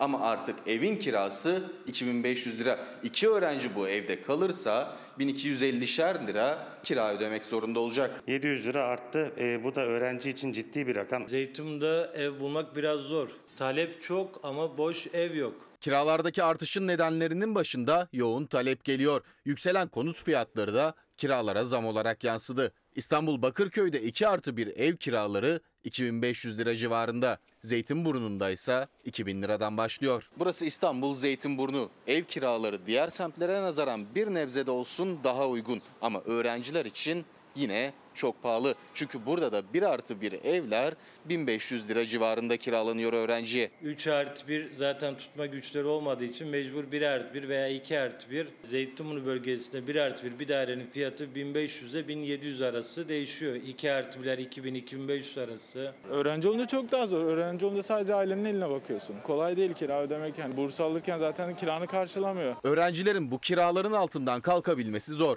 Üniversite adayları artık ailelerinin gelir durumuna göre tercih yapmak zorunda kalıyor. Elif Akbak da onlardan biri. Biz üç kız çocuğu beraber okuyorduk ve üçümüz ayrı yerlere gitme ihtimalimiz vardı. Hani ben en küçük çocuk olarak en büyük oğlanın yanına gelmek durumunda kaldım. Çünkü o çalışacaktı ki ailem ekstra bir kira masrafına daha girmesin diye. İstanbul Büyükşehir Belediyesi de tarihinde bir ilke imza attı. Üç kız öğrenci yurdu ilk kez belediye bünyesinde açılıyor. Ekrem İmamoğlu'nun seçim vaadi olan yurtlarda ilk etapta 650 öğrenci konaklayabilecek. Yıl sonuna kadar kapasiteleri arttırılacak. Hüseyin Hoca diyor ki okullar açılacak ama ücretli öğretmenlerin emeği bir taşeron kadar görülmedi. Öğretmen nasıl olur da asgari ücret altı maaş, yarım SGK ile görev yapıp eğitimde başarıyı hedefler? Kadro hakkımızdır geç olmadan diyor. Atanmayı bekleyen öğretmenler açığın çok daha fazla olduğuna dikkat çekse de 20 bin sözleşmeli öğretmen alımına karar verilmişti. 6 Eylül'de okullarda yüz yüze eğitimin başlamasına yetişsin diye alındı bu karar. Ama atama takvimi öne çekildi.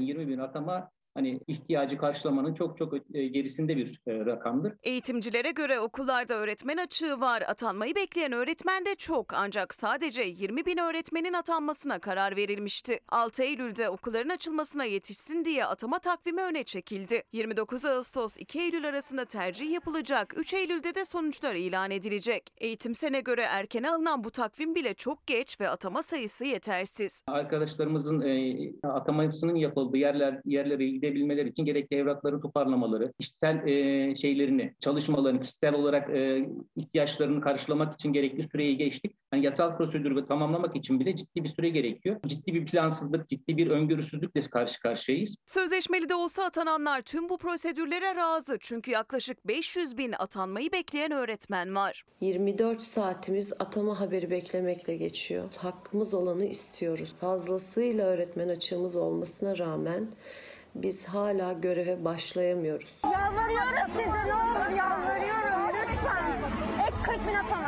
İhtiyacımız neyse ihtiyacımız. Açık var. Bilmiyoruz. Lütfen verme. Cumhurbaşkanı Erdoğan fazlalık var demişti ama eğitim sene göre tersine öğretmen açığı var. Yani resmi rakamlara göre e, 110 bine yakın e, norm, norm açığı bulunmakta bugün e, kamu okullarında. Bunun yanında yine e, kamu okullarında 70 bin e, ücretli öğretmen çalışıyor. Devletin kendi rakamlarına göre yaklaşık 180 bin civarı öğretmen açığı var. On binlerce ücretli öğretmen de atama bekleyenler arasında çünkü meslektaşlarıyla aynı işi yapsalar da hem daha az kazanıyorlar hem de iş güvenceleri yok. Bir ücretli öğretmen hani haftada 30 saat derse girse bile asgari ücretin altında bir e, maaş almak durumunda kalıyor. Dedim ki tamam bu yıl birinci olmak dışında yapacağın hiçbir şey yok.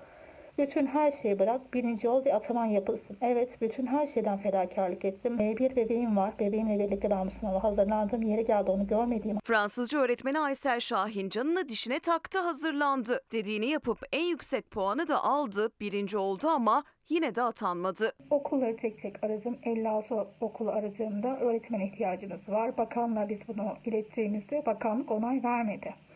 Şeklinde 56 açık olmasına rağmen neden bir tane Fransızca öğretmenin ataması yapılmadı? Atama bekleyen yüz binlerce öğretmenden biri de Elif Uçar. 2015 yılında mezun olduğu 6 yıldır atama bekliyor. Okullardaki yüz binlerce açığa rağmen 20 bin atama kabul edilemez. Hak ettiğimiz ek 40 bin atamanın bir an evvel yapılmasını talep ediyoruz. Sahil Ural diyor ki 18 yaş altı aşılar durduruldu. e, durduruldu. Neden? Okulların açılmasına çok az kaldı. Aşılama için öncelikli grupta değilsiniz deniliyor. Niçin bu sorunun cevabını merak ediyorum diyen izleyicilerimizden biri. Gürkan ve Hatice e, bunca belirsizlik varken niçin yüz yüze eğitime geçiliyor? Önlemler alınamamışken bu körü körüne gidiş niçin açıklayabilirler mi diyenlerden biri. Ve e, Reyhan Hanım diyor ki Covid dünyada biter bizde bitmez. Eminönü Tahtakale'de esnaf bile maskesiz. Gelen turistler zaten hepsi maskesiz. Geç olmadan çok sıkı denetlenmeli. Ve Nurten Hanım Meslek lisesiyle çıraklık okullarından mezun olanlar staj yaptığı yılların SSK başlangıç yılları sayılması için borçlanma hakkı istiyor geç olmadan ve Cemalettin eylemde geç olmadan göçmenlere dur diyelim diyor. Geç olmadan etiketiyle Merve İldirim TV Twitter ve Instagram'dan yazıyorsunuz efendim mesajlarınızı. Hürriyet gazetesinin manşetine bakalım.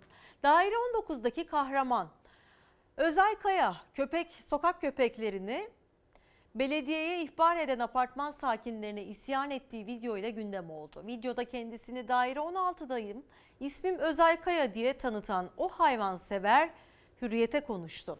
Tekirdağ Çorlu'da yaşayan müzik öğretmeni Kaya 45 yaşında videoda apartmandaki komşularına tek biz yaşamıyoruz bu dünyada hayvanlar da var diye sesleniyordu. Kızı Ayça Kaya'nın çektiği video Daire 16 etiketiyle günün en çok konuşulan konuları arasına girdi. Kaya 2 yıl önce ayakları tutmazken buldukları köpeğe köpük ismini verdiklerini ve baktıklarını anlattı. Apartman yönetimi köpeği barınağa gönderme kararı alınca vicdan patlaması yaşadığını belirtti Kaya ve şunları söyledi. Yanlış karara tepkimi bütün apartmana karşı sesimi duyurmak istedim. Bu yapılan bütün köpekleri ilgilendirdiği ve her birimizin bir şekilde duyarlı olması gerektiğini vurgulamak için öyle bir e, yükseldim diyor. Bulduklarında ayakları tutmayan bir köpük, e, bir köpekti köpük ve iki ay sonra iyi bakımla yürümeye başladı. başladı. Onu ölümden kurtardık. İki yıldır bizim apartmanımızın dışındaki belediyeye ait olan alanda bir kulübede kalıyor dedi. Bir köpeği de evinde besliyor e, Kaya. E, hayvanlarımıza sahip çıkmak zorundayız. Evet rahatsız olanlar olabilir ama onları eğittiğimiz ve iyi baktığımız takdirde e, bu fobileri de yenmek elimizde sevgili izleyiciler. En azından e, bunun için mücadele verelim. O video hazır. O video ile birlikte biraz daha e, hayvanlarımızı konuşalım ve hatırlayalım. Sokağın köpeğini, herkesin baktığı köpeği, hiç kimseye zarar olmayan şu köpeği alınsın diye belediye kim arıyorsa, kim arıyorsa uğraşacağım onunla. Bir, tek biz yaşamıyoruz bu dünyada. Hayvanlar da var. Kime zararı var bu köpeğin? Kime zararı var? Biraz insan olalım ya. İnsan, insan olalım. Yeter ya. Apartmanın içine giriyorsa kapıyı açık tutmayacaksın. Kim açık tutuyorsa duyarlı olacak, insan olacak. Kapıyı açık tutmayacak.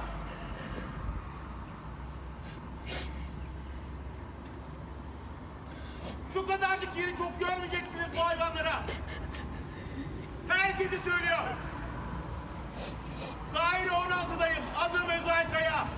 Yaklaşık iki yıl önce adına köpük dediğimiz sokak köpeği arka ayakları tutmaz bir vaziyetteyken Biz bunu parkta gördük ve 3 aylık bir mücadele sonunda tekrar biz adına köpük dediğimiz sokak köpeğini yürütmeyi tedavilerle, beslenmeyle, ilgiyle, sevgiyle sadece biz değil bütün mahalleli de köpeğe ilgi gösterdi. Herkes evinden kalan yemekleri mama alarak başka bir şekilde her türlü e, köpeğe baktılar. Sadece ben değil. Ben sadece bunu e, yapanların sözcüsü oldum. Bu şekilde duygusal bir bağ kurulduktan sonra da köpükle doğal olarak onun buradan alınma isteği ve barınağa aranılarak, belediye aranılarak buradan aldıracağız, kararının e, apartman yönetiminden çıkması sonucu ben bu tepkimi dile getirdim. Eğer bazı şeyler için tepkimizi gö- göstermezsek, sesimizi yükseltmezsek e, uyandıramayız kişileri. O yüzden iyi şeyler için mücadele etmenin doğru ve onurlu bir davranış olduğunu düşünüyorum efendim. Kurak bir yaz geçiriyoruz. Kuraklık haberleri geliyor ve Türkiye'nin dört bir yanından da bu manzaralara tanıklık ediyoruz.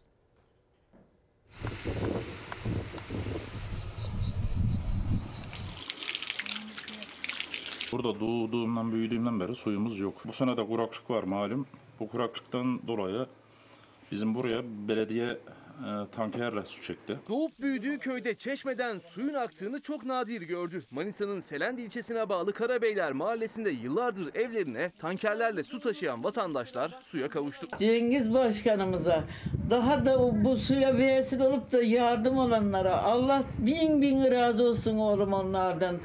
Allah'a uzun ömürler versin, acılar göstermesin. Allah cennet kapılarına yollasın. Köyde doğup büyüyen Zennure teyze yıllar sonra çeşmeden akan suya minnettarlığını bu sözlerle dile getirdi. Türkiye son yılların en kurak dönemini yaşarken gelen su yüreklere su serpti. Ancak yurdun pek çok farklı yerinde kuraklığın emareleri giderek artıyor. Gerçekten Türkiye şu anda son 15 yılın en kurak dönemlerinden birini yaşıyor. İşte Karadeniz şiddetli yağışlar alırken İç Anadolu, Akdeniz, Doğu Anadolu bölgesi e, belki de son 5-6 aydır neredeyse yağış almadı. Bu kuraklıkla birlikte suyun altında kalan mezarlarımız tekrar e, gün yüzüne çıkmış oldu. Elazığ'ın Baskil'e bağlı Kumlutarla köyünde yıllar önce baraj suları altında kalan mezarlar çekilmeyle gün yüzüne çıktı. Osmaniye'de Aslantaş Barajı da kuraklıktan nasibini aldı. Tarımsal faaliyetlerde de kullanılan baraj suyu geçen yıla oranla %21 daha düşük seyrediyor. Ziraat mühendisi Mehmet Ünal çiftçi daha fazla zarar görebilir uyarısında bulundu. Önümüzdeki günlerde eğer bir yağmur meydana gelmezse bu kuraklıkların artarak devam edeceğini, çiftçilerimizin bundan dolayı çok büyük zararlar göreceğini tahmin etmekteyiz. Kilis'te fıstık hasadı başladı. Kilis Çiftçi Mallarını Koruma Meclisi Başkanı Mehmet Kara rekoltenin düştüğünü dile getirdi. Bu yıl rekolte çok düşük. Geçen senekinin %25 daha altı. Baya bir düşük he. Yani kilis geneli böyle. Uzmanı ise zaman kaybetmeden önlem almanın önemine vurgu yapıyor. 19 Mayıs Üniversitesi Ziraat Fakültesi öğretim üyesi Profesör Doktor Yusuf Demir ise ülkemizin doğal gaz ağları gibi su ağlarıyla örülmesi gerektiğini vurguladı. Daha su gerektiren bitkilere yönelim planlanmalı dedi. Daha fazla su tüketen bitkilerin yurt dışında üretiminin sağlanıp yurda dolaylı yoldan su taşınabileceğini söyledi. Tehdit oluştuğunda, problem oluştuğunda tedbir almak değil, her zaman tedbirli olmamız lazım. Suyu doğru kullanmamız, suyu tasarruflu kullanmamız, suyu geleceğe taşımamız. Yani sürdürülebilir bir yaşam ve sürdürülebilir su kullanımını geliştirmemiz lazım. Sırada Sayıştay'ın 2017 yılına ait bir raporu var. Üniversite hastanelerinin neden zarar ettiğine ilişkin bir araştırma raporu bu. Dün Cumhuriyet Gazetesi'nden paylaşmıştık. CHP Zonguldak Milletvekili Deniz Yavuz Yılmaz ortaya çıkardı aslında. Yurt dışından ilaç ithal eden firma o ilaçları 46 kat fiyatla hastanelere SGK'ya vermiş. İşte büyük vurgun. Türkiye'ye gümrük giriş fiyatı 468 lira olan bir kanser ilacının Türkiye satış fiyatının 21.639 lira olduğu yazıyor. Şirketin kar marjı %4530. CHP'li Deniz Yavuz Yılmaz'ın iddiası Sayıştay raporuna dayandırıyor CHP'li vekil. İlaç firmalarının SGK ve üniversite hastanelerini zarara uğrattığını söylüyor. Türkiye'ye gümrük giriş fiyatı 200-300 lira olan bu ilaçların satış fiyatının 20 bin 30 bin lira olması büyük bir soygundur. Sayıştay 2017 yılında üniversite hastanelerinin neden zarar ettiğine ilişkin detaylı bir araştırma yaptı. Zararın nedenlerinden biri de ithal edilen ilaçlardı. Gümrük Bakanlığı verilerinden ilacın giriş fiyatına bakıldı, bir de Türkiye'deki satış fiyatına. Kanser ilacının Türkiye'ye giriş fiyatı 676 lira, Türkiye'deki satış fiyatı 21.693 lira. Kanser ilaçlarının gümrük fiyatlarının yaklaşık 46 katına satıldığı ortaya çıktı. Sayıştay bu raporu da 5 Avrupa ülkesindeki fiyatları baz alarak oluşturdu. CHP'li Deniz Yavuz Yılmaz rapor 4 yıldır sümen alt ediliyor diyor. Sansürlenen bu Sayıştay raporları AK Parti'nin sağlık politikalarının nasıl çöktüğünün, kamu kaynaklarının nasıl peşkeş çekildiğinin ispatıdır. Rapor 2017 yılına ait. Aradan geçen sürede aynı ilaçlar üzerinden firmaların kar marjının da arttığını söylüyor Deniz Yavuz Yılmaz. Türkiye'ye gümrük giriş fiyatı 160 lira, Türkiye'deki satış fiyatı 6862 lira. Şirketin karı %4171. Sayıştay raporuna göre listelenen 12 ilacı ithal edenle Türkiye'ye satan firmanın %90'ı aynı firmalar. İddiaya göre Türkiye ilaçların ödemesi için ileri bir tarih verdiğinde de şirketler kar marjını daha da yüksek tutuyor. Üniversite hastaneleri göz göre göre batıyor. SGK'nın maliyetleri şiştikçe şişiyor. Sayıştay raporunda ilaçların gümrükten giriş fiyatlarını ne Türkiye İlaç ve Tıbbi Cihaz Kurumu tarafından ne de Sosyal Güvenlik Kurumu tarafından bilinmediği tespit edilmiştir yazıyor. Yani ilaçların depo fiyatına da gümrük giriş fiyatına da bakılmamış bile. Oysa her biri pahalı ilaç olduğu için kar marjındaki küçük bir fark bile hastanelerin SGK'nın zararını katlıyor. Cumhuriyet gazetesinde durumun, olayın ikinci perdesi var. Bunun adı vicdansızlık. Cumhuriyet sağlık vurgununda ikinci perdeyi açıyor. Yurt dışına hekim göçü, aileden uzakta zorunlu hizmet, terörle mücadele ve afet bölgelerinde bir mesajla e, görevlendirilme gibi uygulamalar yurt dışında hekim göçünü artırdı. Bu başka bir haber. Hemen başlığa dair olan haberi sizlerle paylaşayım. 200-300 liralık kanser ilaçlarının 20-30 bin liraya satıldığı ortaya çıkarken benzer soygun tıbbi malzeme alım satımlarında da yaşanmış. Sayıştay'ın sansürlenen raporuna göre aralarında kalp pilinin de bulunduğu malzemelerin gümrük fiyatıyla hastane alış fiyatları arasında %2500'lere varan bir fark var. Sayıştay'ın raporunda tıbbi sarf ve cihazlarda ürün çeşitliliğinin çok fazla olması sebebiyle herhangi bir fiyat ve miktar kontrolü olmadığı vurgulandı ve şirketlerin aynı ürünü hastanelere %489 ile %1549 arasında değişen kar marjıyla sattığı belirlendi. Tabii bu şirketlerin bağlantıları araştırılmalı. Örneğin e, Ticaret Bakanı Ruhsar Pekcan, eski Ticaret Bakanı Ruhsar Pekcan benzer bir durumla görevden alınmıştı. Yani şöyle ki e, hükümete yakın şirketler mi acaba bu şirketler yoksa herhangi bir skandal barındırıyor mu içinde? Çünkü e, yabancı olmadığımız konular bunlar. Bu da aslında araştırılması gereken konulardan biri efendim. Şimdi kısa bir ara veriyoruz. Ara sonrası tekrar devam ediyoruz. Efendim tekrar birlikteyiz. Saat 10.26 günlerden pazar ve tarih 22 Ağustos 2021. Geç olmadan etiketiyle güne başladık. Yorumlarınızla bize katılabilirsiniz. Merve İldirim TV, Twitter ve Instagram'da. Efendim sınırlarımızda yeni bir göç tehdidi var. Afgan göçmenlerin akını var. O göçmenler Türkiye-İran sınırından ülkeye giriş yapmaya çalışıyor. Sınırda görevli güvenlik güçleri ise gece gündüz nöbette. Tüm tehditlere karşı sınır nöbetinde.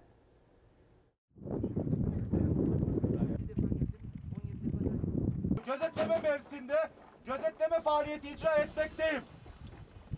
Sorumluluk sahamda herhangi bir olumsuz durum yoktur komutanım.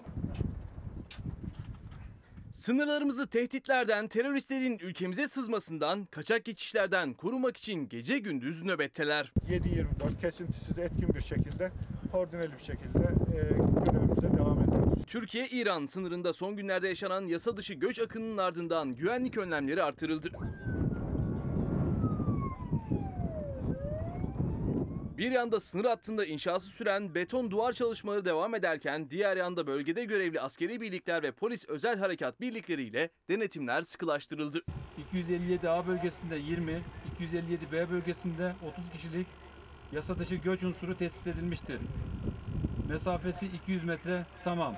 B bölgesinde 30 kişilik yasa dışı göç unsuru tespit edilmiştir. Sınıra olan mesafesi 200 metredir.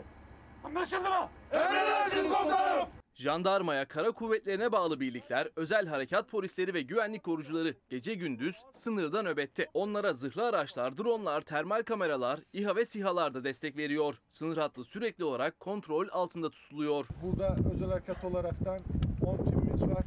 8 zırhlı araçla beraber hudut hattında 4 sektöre ayrılmış vaziyette görev yapıyor.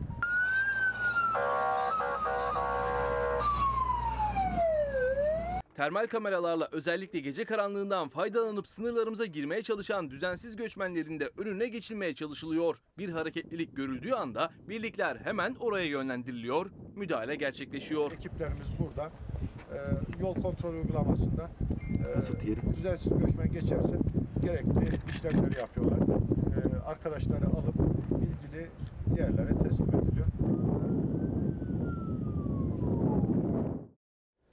Tüm Mehmetçiğimizle dualarımız.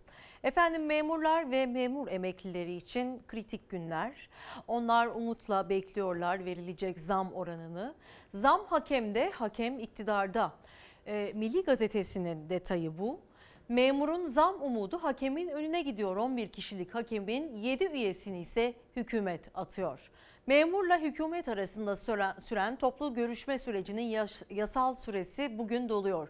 Hükümet kesimi yarın akşam saatlerinde kadar herhangi bir ikinci teklif açıklamazsa süreç hakem kurulunda nihayete erdirilecek. 11 kişiden oluşan hakem kurulunun 7 üyesini doğrudan ve dolaylı hükümet atıyor.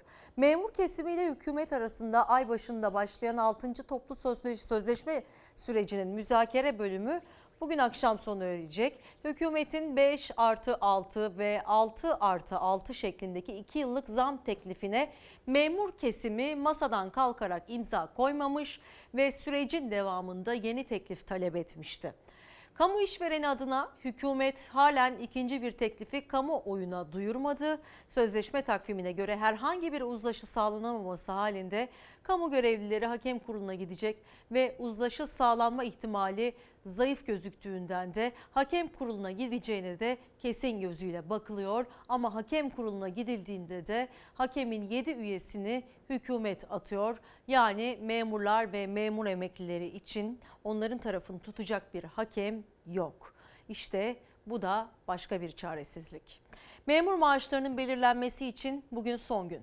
Memurlar hükümetin zam teklifini revize etmesini bekliyor. Gözler bugün yapılacak toplantıda. Ey hükümet bize güçlü Türkiye'nin rakamlarıyla donanmış bir teklifle gelin. Beklentimiz karşılansın. Bugün eylem yarın bayram olsun. Milyonlarca memurun gözü kulağı bugün Ankara'da. Çünkü bugün zam oranları belli olacak. Hükümetle memur toplu sözleşme için masaya oturacak. Memur sen burada teklif nerede?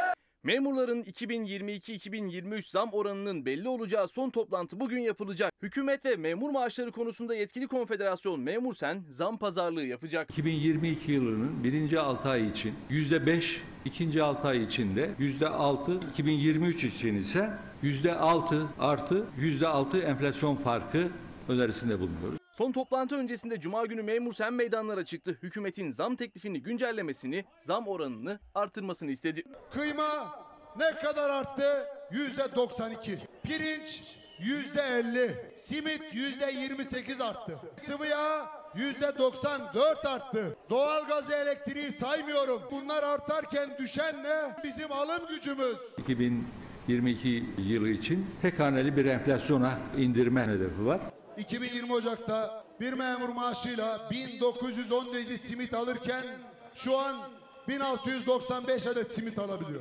378 litre sıvı yağ alabilirken şu an aynı maaşla 252 litre alabiliyor. Memur Sen'in isteği hükümetin önerdiğinden farklı. Memur Sen ve Türkiye Kamu Sen'in ortak talebi taban aylığa 600 lira seyyanen zam, 2022'de %21, 2023'te %17, her yıl %3 olmak üzere 2 yılda toplam %6 refah payı artışı. 2022'de yüzde 21 oransal zam verilsin dedik. Yüzde 3 refah payı olsun dedik. 600 TL zam yapılsın dedik.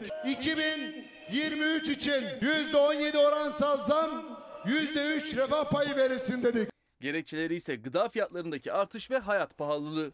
Türk ekonomisi toparlanma sürecini geride bırakarak atılım ve şahlanış dönemine girdiğini ispatlamış oldu. Devletin bütçesi büyürken memurun bütçesi küçülsün mü? İhracat artarken memurun maaşları azalsın mı? Zam pazarlığında bugün son gün gözler hükümetin verdiği teklifi revize edip etmeyeceğinde. Eğer toplantıdan uzlaşma çıkmazsa bu kez hakem heyetine gidilecek. Durum böyleyken Sözcü gazetesinin manşetinde çok çarpıcı bir haber var efendim. Tabii toplumun büyük bir kesimi yoksullukla mücadele ederken diğer yanda özellikle bürokratların ya da e, kurumların başındaki isimlerin pek çok yerden maaş aldıkları haberlerine sık sık tanıklık ediyoruz. Alışkanlık haline dönüştü artık ama bu çok ama çok çarpıcı efendim. Kızılay Başkanı 13 maaş alıyor. CHP Milletvekili Atilla Sertel'in meclise taşıdığı yeni bir iddia. Devletten 3-4 maaş alanları görmüştük. Şimdi de Kızılay Başkanı Kınık'ın bazıları kuruma ait olan 13 ayrı şirketten maaş aldığı iddiası gündeme geldi. Kızılay Başkanı Kerem Kınık daha önce şirketlerimizde sembolik bir takım huzur hakları vardır demişti. CHP İzmir Milletvekili Atilla Sertel, İçişleri Bakanı Süleyman Soylu'nun yanıtlaması istemiyle soru önergesi verdi. Kızılay Başkanı Kerem Kınık'la ilgili 13 maaş iddiasının aydınlatılmasını istedi ve Kızılay bünyesinde pek çok şirket olduğunu hatırlattı. Şu soruları sıraladı. Kızılay'a ait şirket sayısı kaçtır? Kınık yönetim kurulu başkanı veya üyesi olarak hangi şirketlerde görev alıyor? Bu görevlerde istinaden huzur hakkı veya başka bir isim altında ne kadar ücret alıyor? Bakalım bu sorulara nasıl yanıt verilecek? Başak Kaya'nın haberi önemli bir haber ve e, pek çok yerden huzur adı e, hakkı adı altında maaş alan sadece o değil eğer iddialar doğruysa. Efendim otomobil sektörüne bakalım. Otomobil sektörünü hareketlendirmek için yapılan yeni ÖTV düzenlemesiyle sıfır otomobil fiyatlarında ortalama 50 bin liralık düşüş yaşandı. Otomobil hayali kuranlar ikinci elde de düşüş olmuştur umuduyla pazarlara koştu ama umduğunu bulamadı. Şu an bir ayda yaklaşık 10-15 araba alıp satan var. Kasapçı satıyor, fırıncı satıyor, marketçi satıyor. Herkes galerici olmuş yani. Artık her önüne gelen ikinci el otomobil alıp satamayacak. Fırsatçıların fiyat yükseltmesinin önüne geçebilmek için altın çağını yaşayan ikinci el piyasasında yeni dönem başlıyor. Yetki belgesi almak zorunlu olacak. Belgesi olmayanlar yılda en fazla 3 otomobil alıp satabilecek. İnsanları kandırıyorlar, kilometreleriyle oynuyorlar arabaların. Yani öyle güvenilir değil. Yarın adam arabayı alıyor ama yarın yok adam. Karşısında bir muhatap bulamıyor. Koronavirüs salgını otomotiv sektörünü derinden etkiledi. Uluslararası otomobil fabrikalarının üretimi ara vermesi piyasada sıfır otomobilin bulunamamasına neden oldu. Sıfır otomobil bulamayanlarsa rotayı ikinci el otomobillere çevirdi. Aşırı talep fiyatları uçurdu. Haftalık sattığımız arabayı ertesi hafta 2-3 bin lira fark verip aynı arabayı alıyoruz. Piyasa yüksek, sıfır aracı geçmiş ikinci eller. Sıfır otomobil fiyatlarıyla yarışıyor hatta bazı modellerde o fiyatları da geçiyor ikinci el otomobil fiyatları. Satıcılar her gün etiketleri yukarı yönde değiştiriyor. Talep ve değer bu kadar fazla olunca yetki belgesi olmayan bazı kişilerin de iştahı kabarıyor. Arabada anlamayan kişi araba ticareti yapıyor. Fiyat yükseltiyor. Büyük bir pazar oldu yani dışarıda bu. Eskiden insanlar araç alırdı 5 bin lira 10 bin lira zararıyla satardı ama şimdi mesela adam bir ay biniyor bir ay sonra getiriyor arabayı bize aldığı fiyata binliğin yanına kar kalıyor. Fiyat her ay her ay 10 bin lira artıyor. İkinci el otomobil piyasası hiç olmadığı kadar hareketli. Fiyatlar da katlandıkça katlanıyor. İşte 2014 model hafif ticari bu otomobil 6 ay önce 46 bin liraya satılırken şimdi fiyatı 86 bin 900 lira. Alma şansımız sıfır şu anda. Geliyoruz, dolaşıyoruz, geri gidiyoruz. Yaşı, modeli, hasar kaydı fark etmiyor. Otomobil pazarında hangi araca bakarsanız bakın fiyatının yükseldiğini görüyorsunuz. 6 ay önce 100 bin liraya satılan bu otomobilde şimdi 173 bin 900 lira. Ben araba bakacağım kendime de mesela buradan 4 ay önce 60 milyar olan bir tane araba bunun fiyatını burada görmüşüm 105, 110. Devlet el atarsa tabii ki iyi olacak ama millet onu yapmaz ki. İkinci el araç piyasasında fiyatları kontrol altına almak için Ticaret Bakanlığı bir düzenleme yaptı. Üçten fazla alım satım ticari faaliyet sayılacak artık. Yetki belgesi zorunluluğu yürürlüğe girdi. Ticaretini yapanların 31 Ağustos'a kadar belgelerini alması gerekiyor. Düzenleme bence biraz iyi oldu. Fırsat silahın önüne geçer. Adam arabadan anlamıyor. Önüne gelen arabaları avru kapısının önüne koyuyor. Satılık yazıyor. Kaç paraya almış adam? Atıyorum 10 liraya almış. 20 liraya satıyor.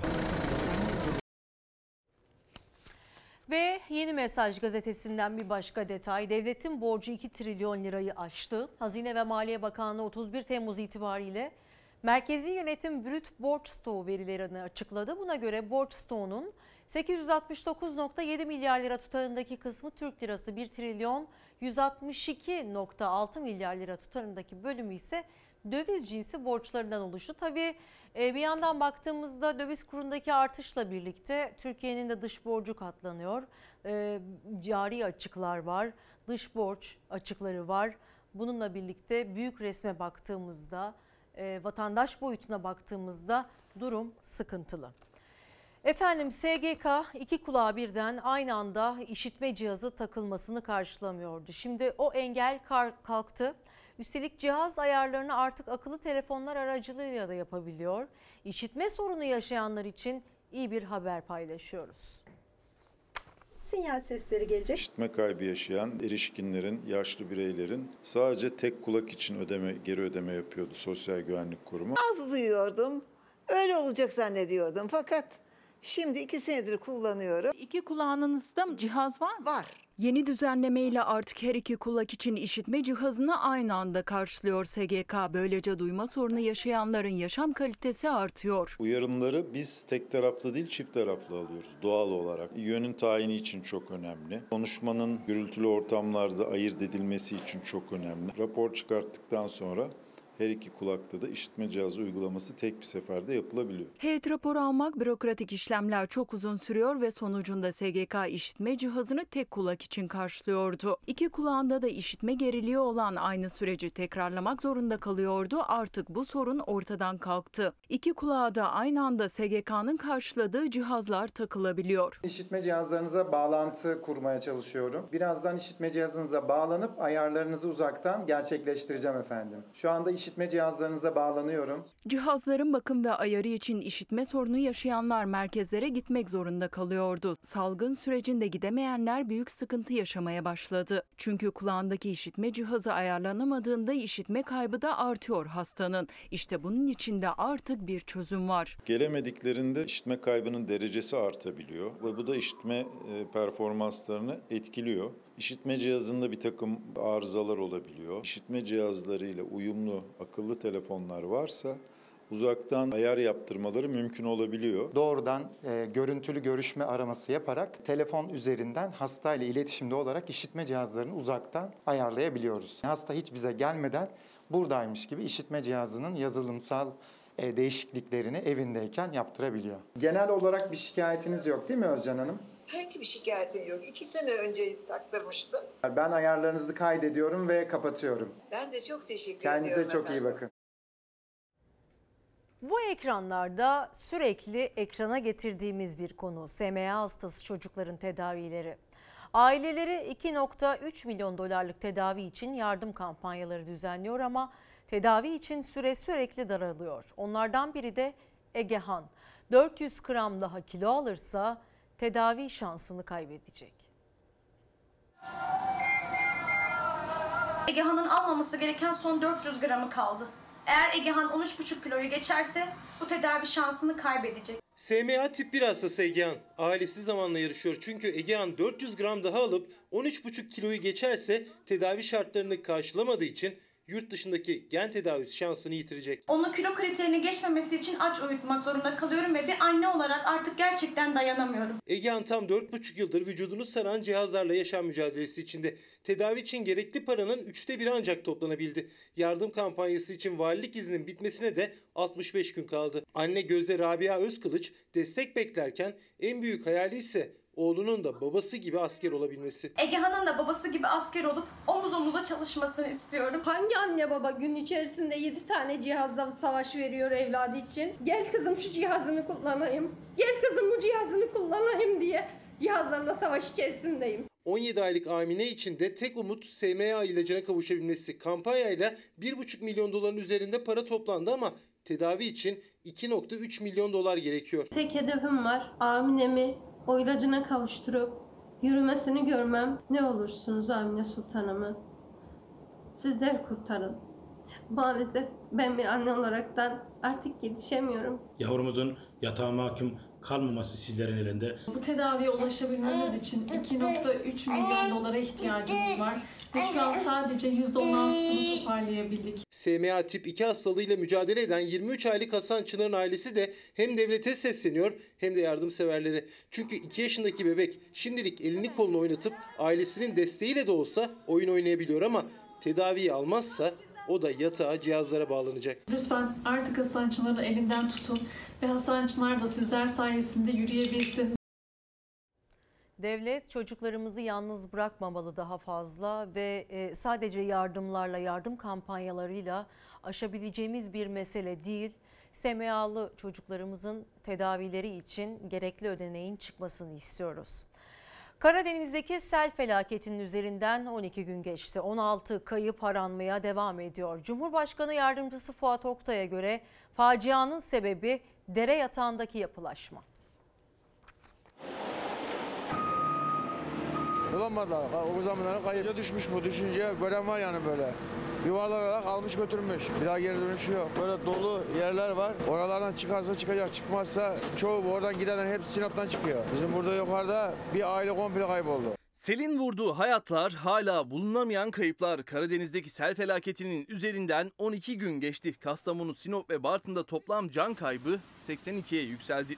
16 kayıp da aranmaya devam ediyor. O kayıplardan biri de 82 yaşındaki Aygün Akman. Gözü yaşlı ailesi bir an önce bulunmasını istiyor. Uzun ayrılamayan böyle oturuyor. Bulunmasını isteyin. Yenge başısı çıkalım da. Cumhurbaşkanı Yardımcısı Fuat Oktay da afet bölgesindeydi. Facianın sebebine dikkat çekti. Dere kendisinden kendisinden alınanı tekrar alıyor. Bunu affetmiyor. Oktay dere yatağına ev yapanlara ve yerel yönetimlere seslendi ama faciadan önce neden yeterli denetimin yapılmadığına değinmedi. Vatandaşlarımızdan, yerel yönetimlerimizden özellikle rica ediyorum. Gerek dere yatakları olsun, gerek heyelan bölgeleri olsun afet oluşturacak yerlere yapılaşmadan sakınalım. Sel felaketinin üzerinden 10 günden fazla bir süre geçti ancak bölgede hala kayıplar aranıyor. Ekipler de bir yandan enkaz kaldırma ve temizlik çalışmalarını sürdürüyor. Bölge sakinlerine göre ise bu temizliğin bitmesi, Bozkurt'un eski haline gelmesi aylar sürecek. En çok can kaybı Kastamonu Bozkurt'ta yaşandı. İlçedekilerin korkusu acısı ilk günkü gibi taze. Bu bir sel değil, bu bir kıyametti burada yani. 4 metre suyun yüksekliğini gördüm. Suyun içine yattığım yerlere çocuğumu arıyorum. Acaba dedim hani boğuldu, düştü, kaldı mı yani. Anlatılmaz bir şeydi. İlk önce kendi çocuğumuzu çatıya çıkardık. Sonra 30 kişiyi biz yukarı çıkardık. İki gece kiremitlerin üstünde bekledik. Üstümüze bütün yağmur yağdı. Ne bir bardak suyumuz vardı içmeye ne bir şey. Çocuklar çatıda açlıktan artık yağan yağmuru böyle avuçlarını tutup o suyu içirdik çocuklara. Boyunu metrelerce aşan taşkında evladını aradı Seda Temizel. Hayatının en zor anlarıydı. Sonra da günlerce yardım beklediler çatıda. Afet geride kalsa da şimdi de zor durumdalar. Dördüncü gün sonunda sadece kendime bir kıyafet bulup giyebildim. Gözyaşımız kalmadı. Keşke giden her şey mal mülk olsaydı da hiç kimse ölmeseydi. Gidebilecek ne bir evimiz var ne bir işimiz var. Hiçbir şeyimiz kalmadı. Cama çıktım. Balkona çıktım. Bağırdım. Kurtarın dedim ama hiç kimse yoktu. Etrafta hiç kimse kalmadı. Köprünün başındakiler gitti. Ya ağlamaktan gö- gözümde yaş kalmadı yemin ederim artık. Uyku uyuyorsun gözün önüne geliyor. Gece oturuyorum yatağa ağlıyorum diye ki oğlum anne ağlama sakin ol. Her şey düzelecek. Düzelecek ama nasıl düzelecek? Müyesser Gül de o anları anlatırken gözyaşlarına engel olamıyor. Hasarlı evi için yıkım kararı verildi. Gidecek başka bir yeri de yok. Evim yıkılmadı ama yıkılacak. Yıkılma kararı alınmış. Bilmiyorum yavrum artık gerisi ne olacak? Emeklerimizden aldık. 5 dakika dursaydık gidiyorduk ikimiz. 5 dakikayla kurtulduk. Selden dakikalarla kurtulan 77 yaşındaki Fatma Ceylan da doğup büyüdüğü Kastamonu Bozkurt'tan mecburen ayrılıyor. Yanına aldığı birkaç parça eşyayla köyde sağlam kalan evine gidiyor. Ancak yaşam orada da zor. Bir giriş kattaydık. E, hiçbir şey alamadık buradan. Köyde bir ufak bir evimiz vardı. Oraya gittik. Orada da ışıklar yok. Nasıl duracağız? Ceyran da yok. Kışın ne olacak bilmiyorum. Çok zor yavrum. Ben nerede gezdiğimi bilmiyorum ki. Öyle havada mı, yerde miyim ben bilmiyorum. Bugün Sözcü gazetesinde bir haber paylaşmıştık. Şimdi e, haberi izlemeden önce Cumhurbaşkanı Yardımcısı Fuat Oktay'a göre facianın sebebinin dere yatağındaki yapılaşma olduğunu söyledik. Çünkü kendisi böyle olduğunu e, açıkladı. Ama geçtiğimiz yıl yaz aylarında e, yani Ağustos 22 Ağustos 2022 tarihinde Giresun'da bir sel felaketi yaşanmıştı. Giresun Dereli'de geçen yıl sel felaketi yaşandı. Dere taştı 11 kişi öldü. Dere yatağındaki binalar zarar gördü.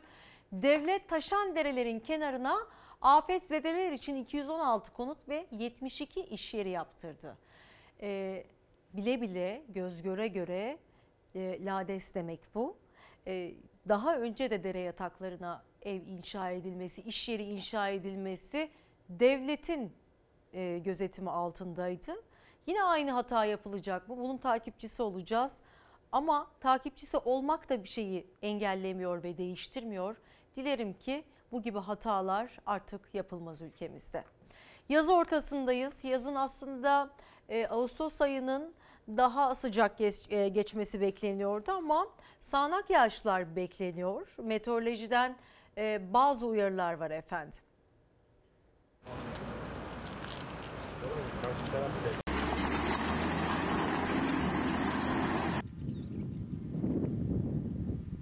Yaz ortasında yağan yağmur su baskınına toprak kaymasına neden oldu. Evler sular altında kaldı, karayolu ulaşıma kapandı. Meteoroloji ise birçok bölge için sağanak yağış uyarısı yaptı.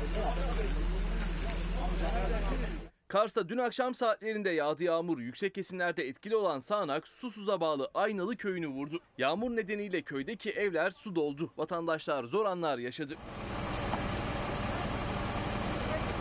Şiddetli yağış nedeniyle Artvin-Erzurum karayolunda kaya parçaları koptu. Kaya parçaları ve toprak birikintisi yola doğru sürüklenince yol ulaşıma kapandı. Yolun kapanmasıyla bölgede araç kuyruğu oluştu. Türkiye'nin çatısı en yüksek noktası Ağrı Dağı zirvesi ise beyaza büründü. Doğu Anadolu bölgesinde etkisini sürdüren yağmur Ağrı Dağı zirvesinde kara dönüştü. 5137 metre yüksekliğindeki zirvenin yaklaşık 3500 metresine kadar olan bölüm karla kaplandı. Öte yandan meteoroloji bugün için sağanak ve gök gürültülü sağanak yağış uyarısı yaptı. Yapılan uyarıya göre bugün Orta Karadeniz kıyıları, Doğu Karadeniz, İstanbul'un Anadolu yakası, Kocaeli, Sakarya, Yalova, Düzce ile Erzurum, Kars, Ardahan ve Van çevrelerinde sağanak ve gök gürültülü sağanak bekleniyor. Belirtilen bölgeler dışında hava sıcaklığında önemli bir değişiklik beklenmiyor. Sıcaklıkların güney kesimlerde yer yer mevsim normalleri üzerinde seyredeceği tahmin ediliyor. Şimdi Hakkari'ye gidiyoruz. Türkiye'nin en yüksek ikinci zirvesi olan Uludurok'un yer aldığı Cilo Dağları'ndaki buzulların iklim değişikliği ve hava şartları sebebiyle gittikçe küçüldüğü gözlendi. Bilim insanları da belki gelecek nesillerin o buzulları göremeyeceğini dile getiriyor.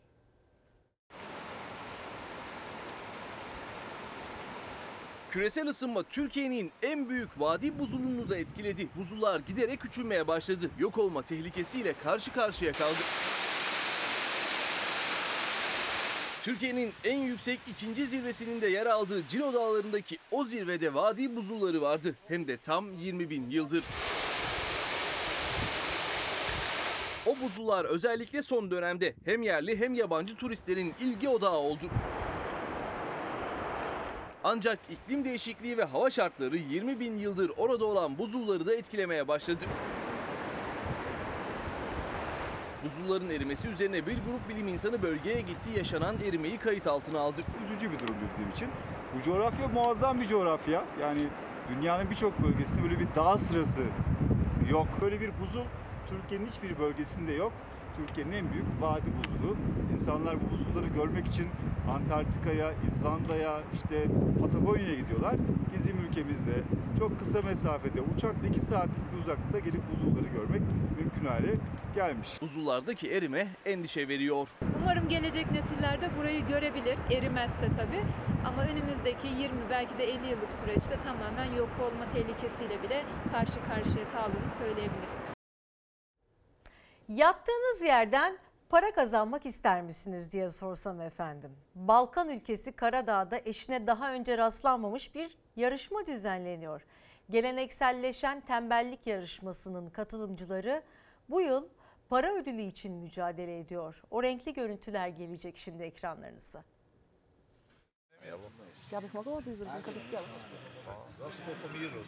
Bu yarışmanın bir benzeri ne görüldü ne duyuldu. Burada birinciliği kapmak için çabalayıp yorulmaya gerek yok. Kazanmak için yapılması gereken tek şey tembellik.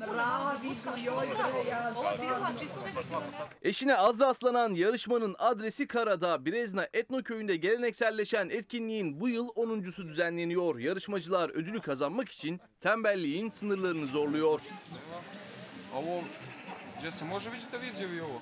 En tembel vatandaş aranıyor sloganıyla duyuruldu etkinlik. Kurallara göre uyku, yeme içme ve kitap okumak serbest. Bu ünvanı kazanmanın tek şartı ise yataktan hiç çıkmamak.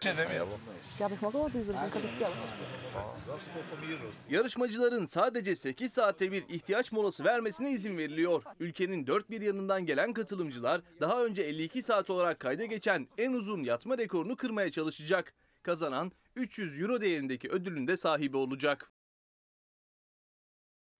Doktor Hüseyin Parkan Sanlıköl. Sanat dünyasının önemli bir ismiydi. Yıllarca uğraştı dünyanın dört bir yanından müzik enstrümanlarını topladı. 2015 yılında kaybettik onu ama onun hayali dün gerçek oldu. Adını taşıyan Müzik Enstrümanları Müzesi kuruldu.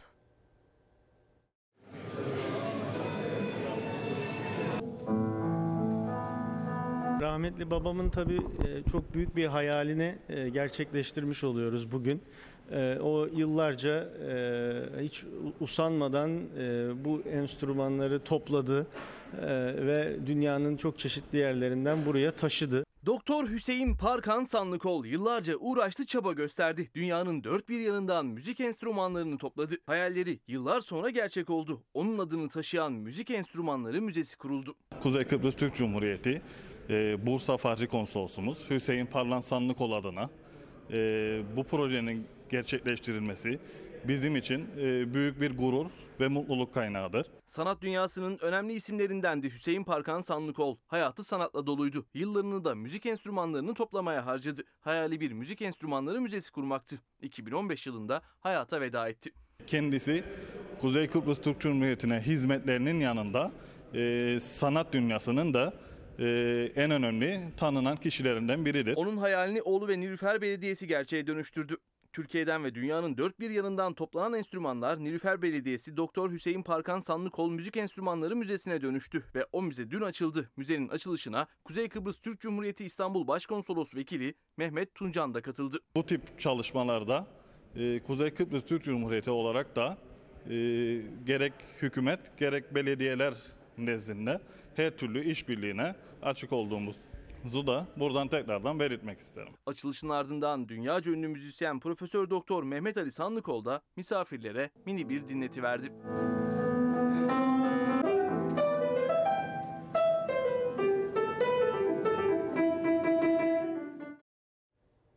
Buca Belediyesi hayvancılığın kaderini değiştirecek örnek bir projeyi hayata geçirdi. Sürdürülebilir Tarımsal Kalkınma Projesi.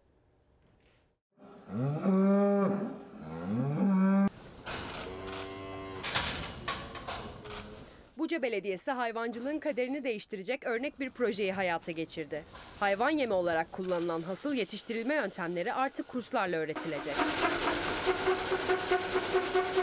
Eğitimin ardından vatandaşlar hasıllarının üretimini kendileri yapacak. Hem yem maliyetlerini yarı yarıya indirecek hem de hayvanlarından elde ettikleri etin ve sütün kalitesinde ise artış sağlayacak. Yani eski yıllarda daha çok hayvanımız vardı. Bu yem pahalılığından dolayı bu hayvancılık yapılacak durumu kalmadı. Yeşil ve arpanın çok bir zaten e, normalde de beslenmede faydalı bir etken.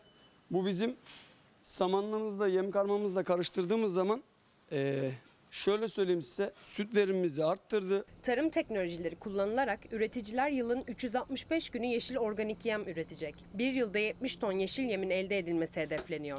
Elde edilen yem Buca'da hayvancılıkla geçimini sağlayan üreticiye ücretsiz olarak dağıtılacak. Valla böyle olursa canlanır çünkü bütün en büyük sıkıntı yemlerdeki zam fiyatları. Bir çuval yem 155 lira olduktan sonra bir çuval saman 40 lira olursa bunu nasıl yapacak millet?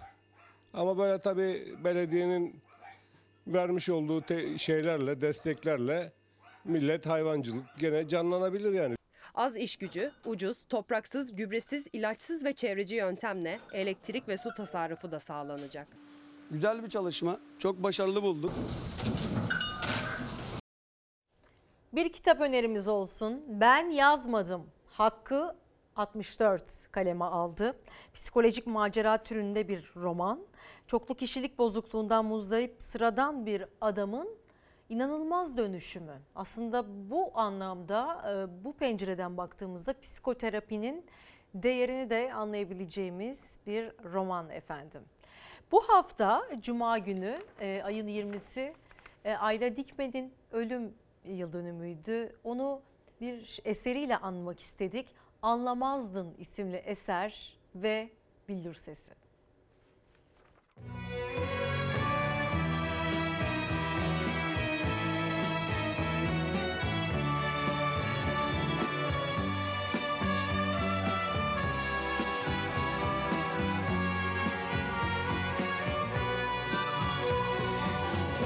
Sevilirken bilmedin mi?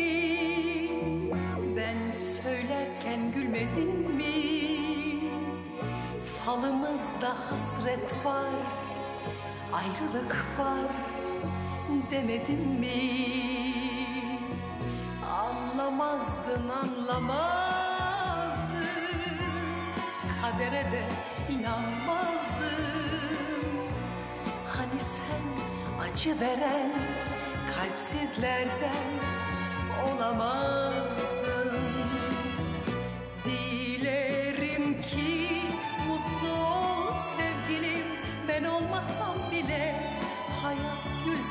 sana günahım boynunda ağlayan bir çift göz bıraktın arkanda.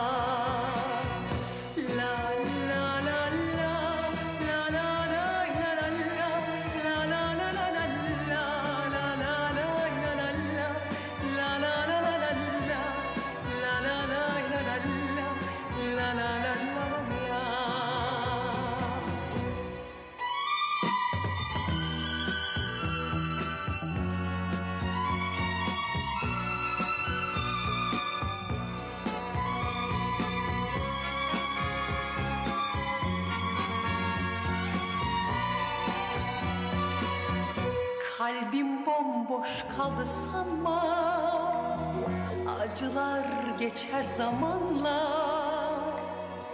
Aşka tövbe demem ben. Görürsün sevince yeniden. Anlamazdın anlamazdın. Kadere de inanmazdın.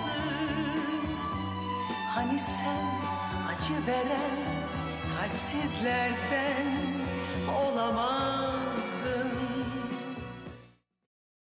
Bir pazar sabahını daha birlikte karşıladık efendim. Kendinize iyi bakın, sevgi ve saygıyla kalın. Haftaya tekrar görüşmek ümidiyle. Müzik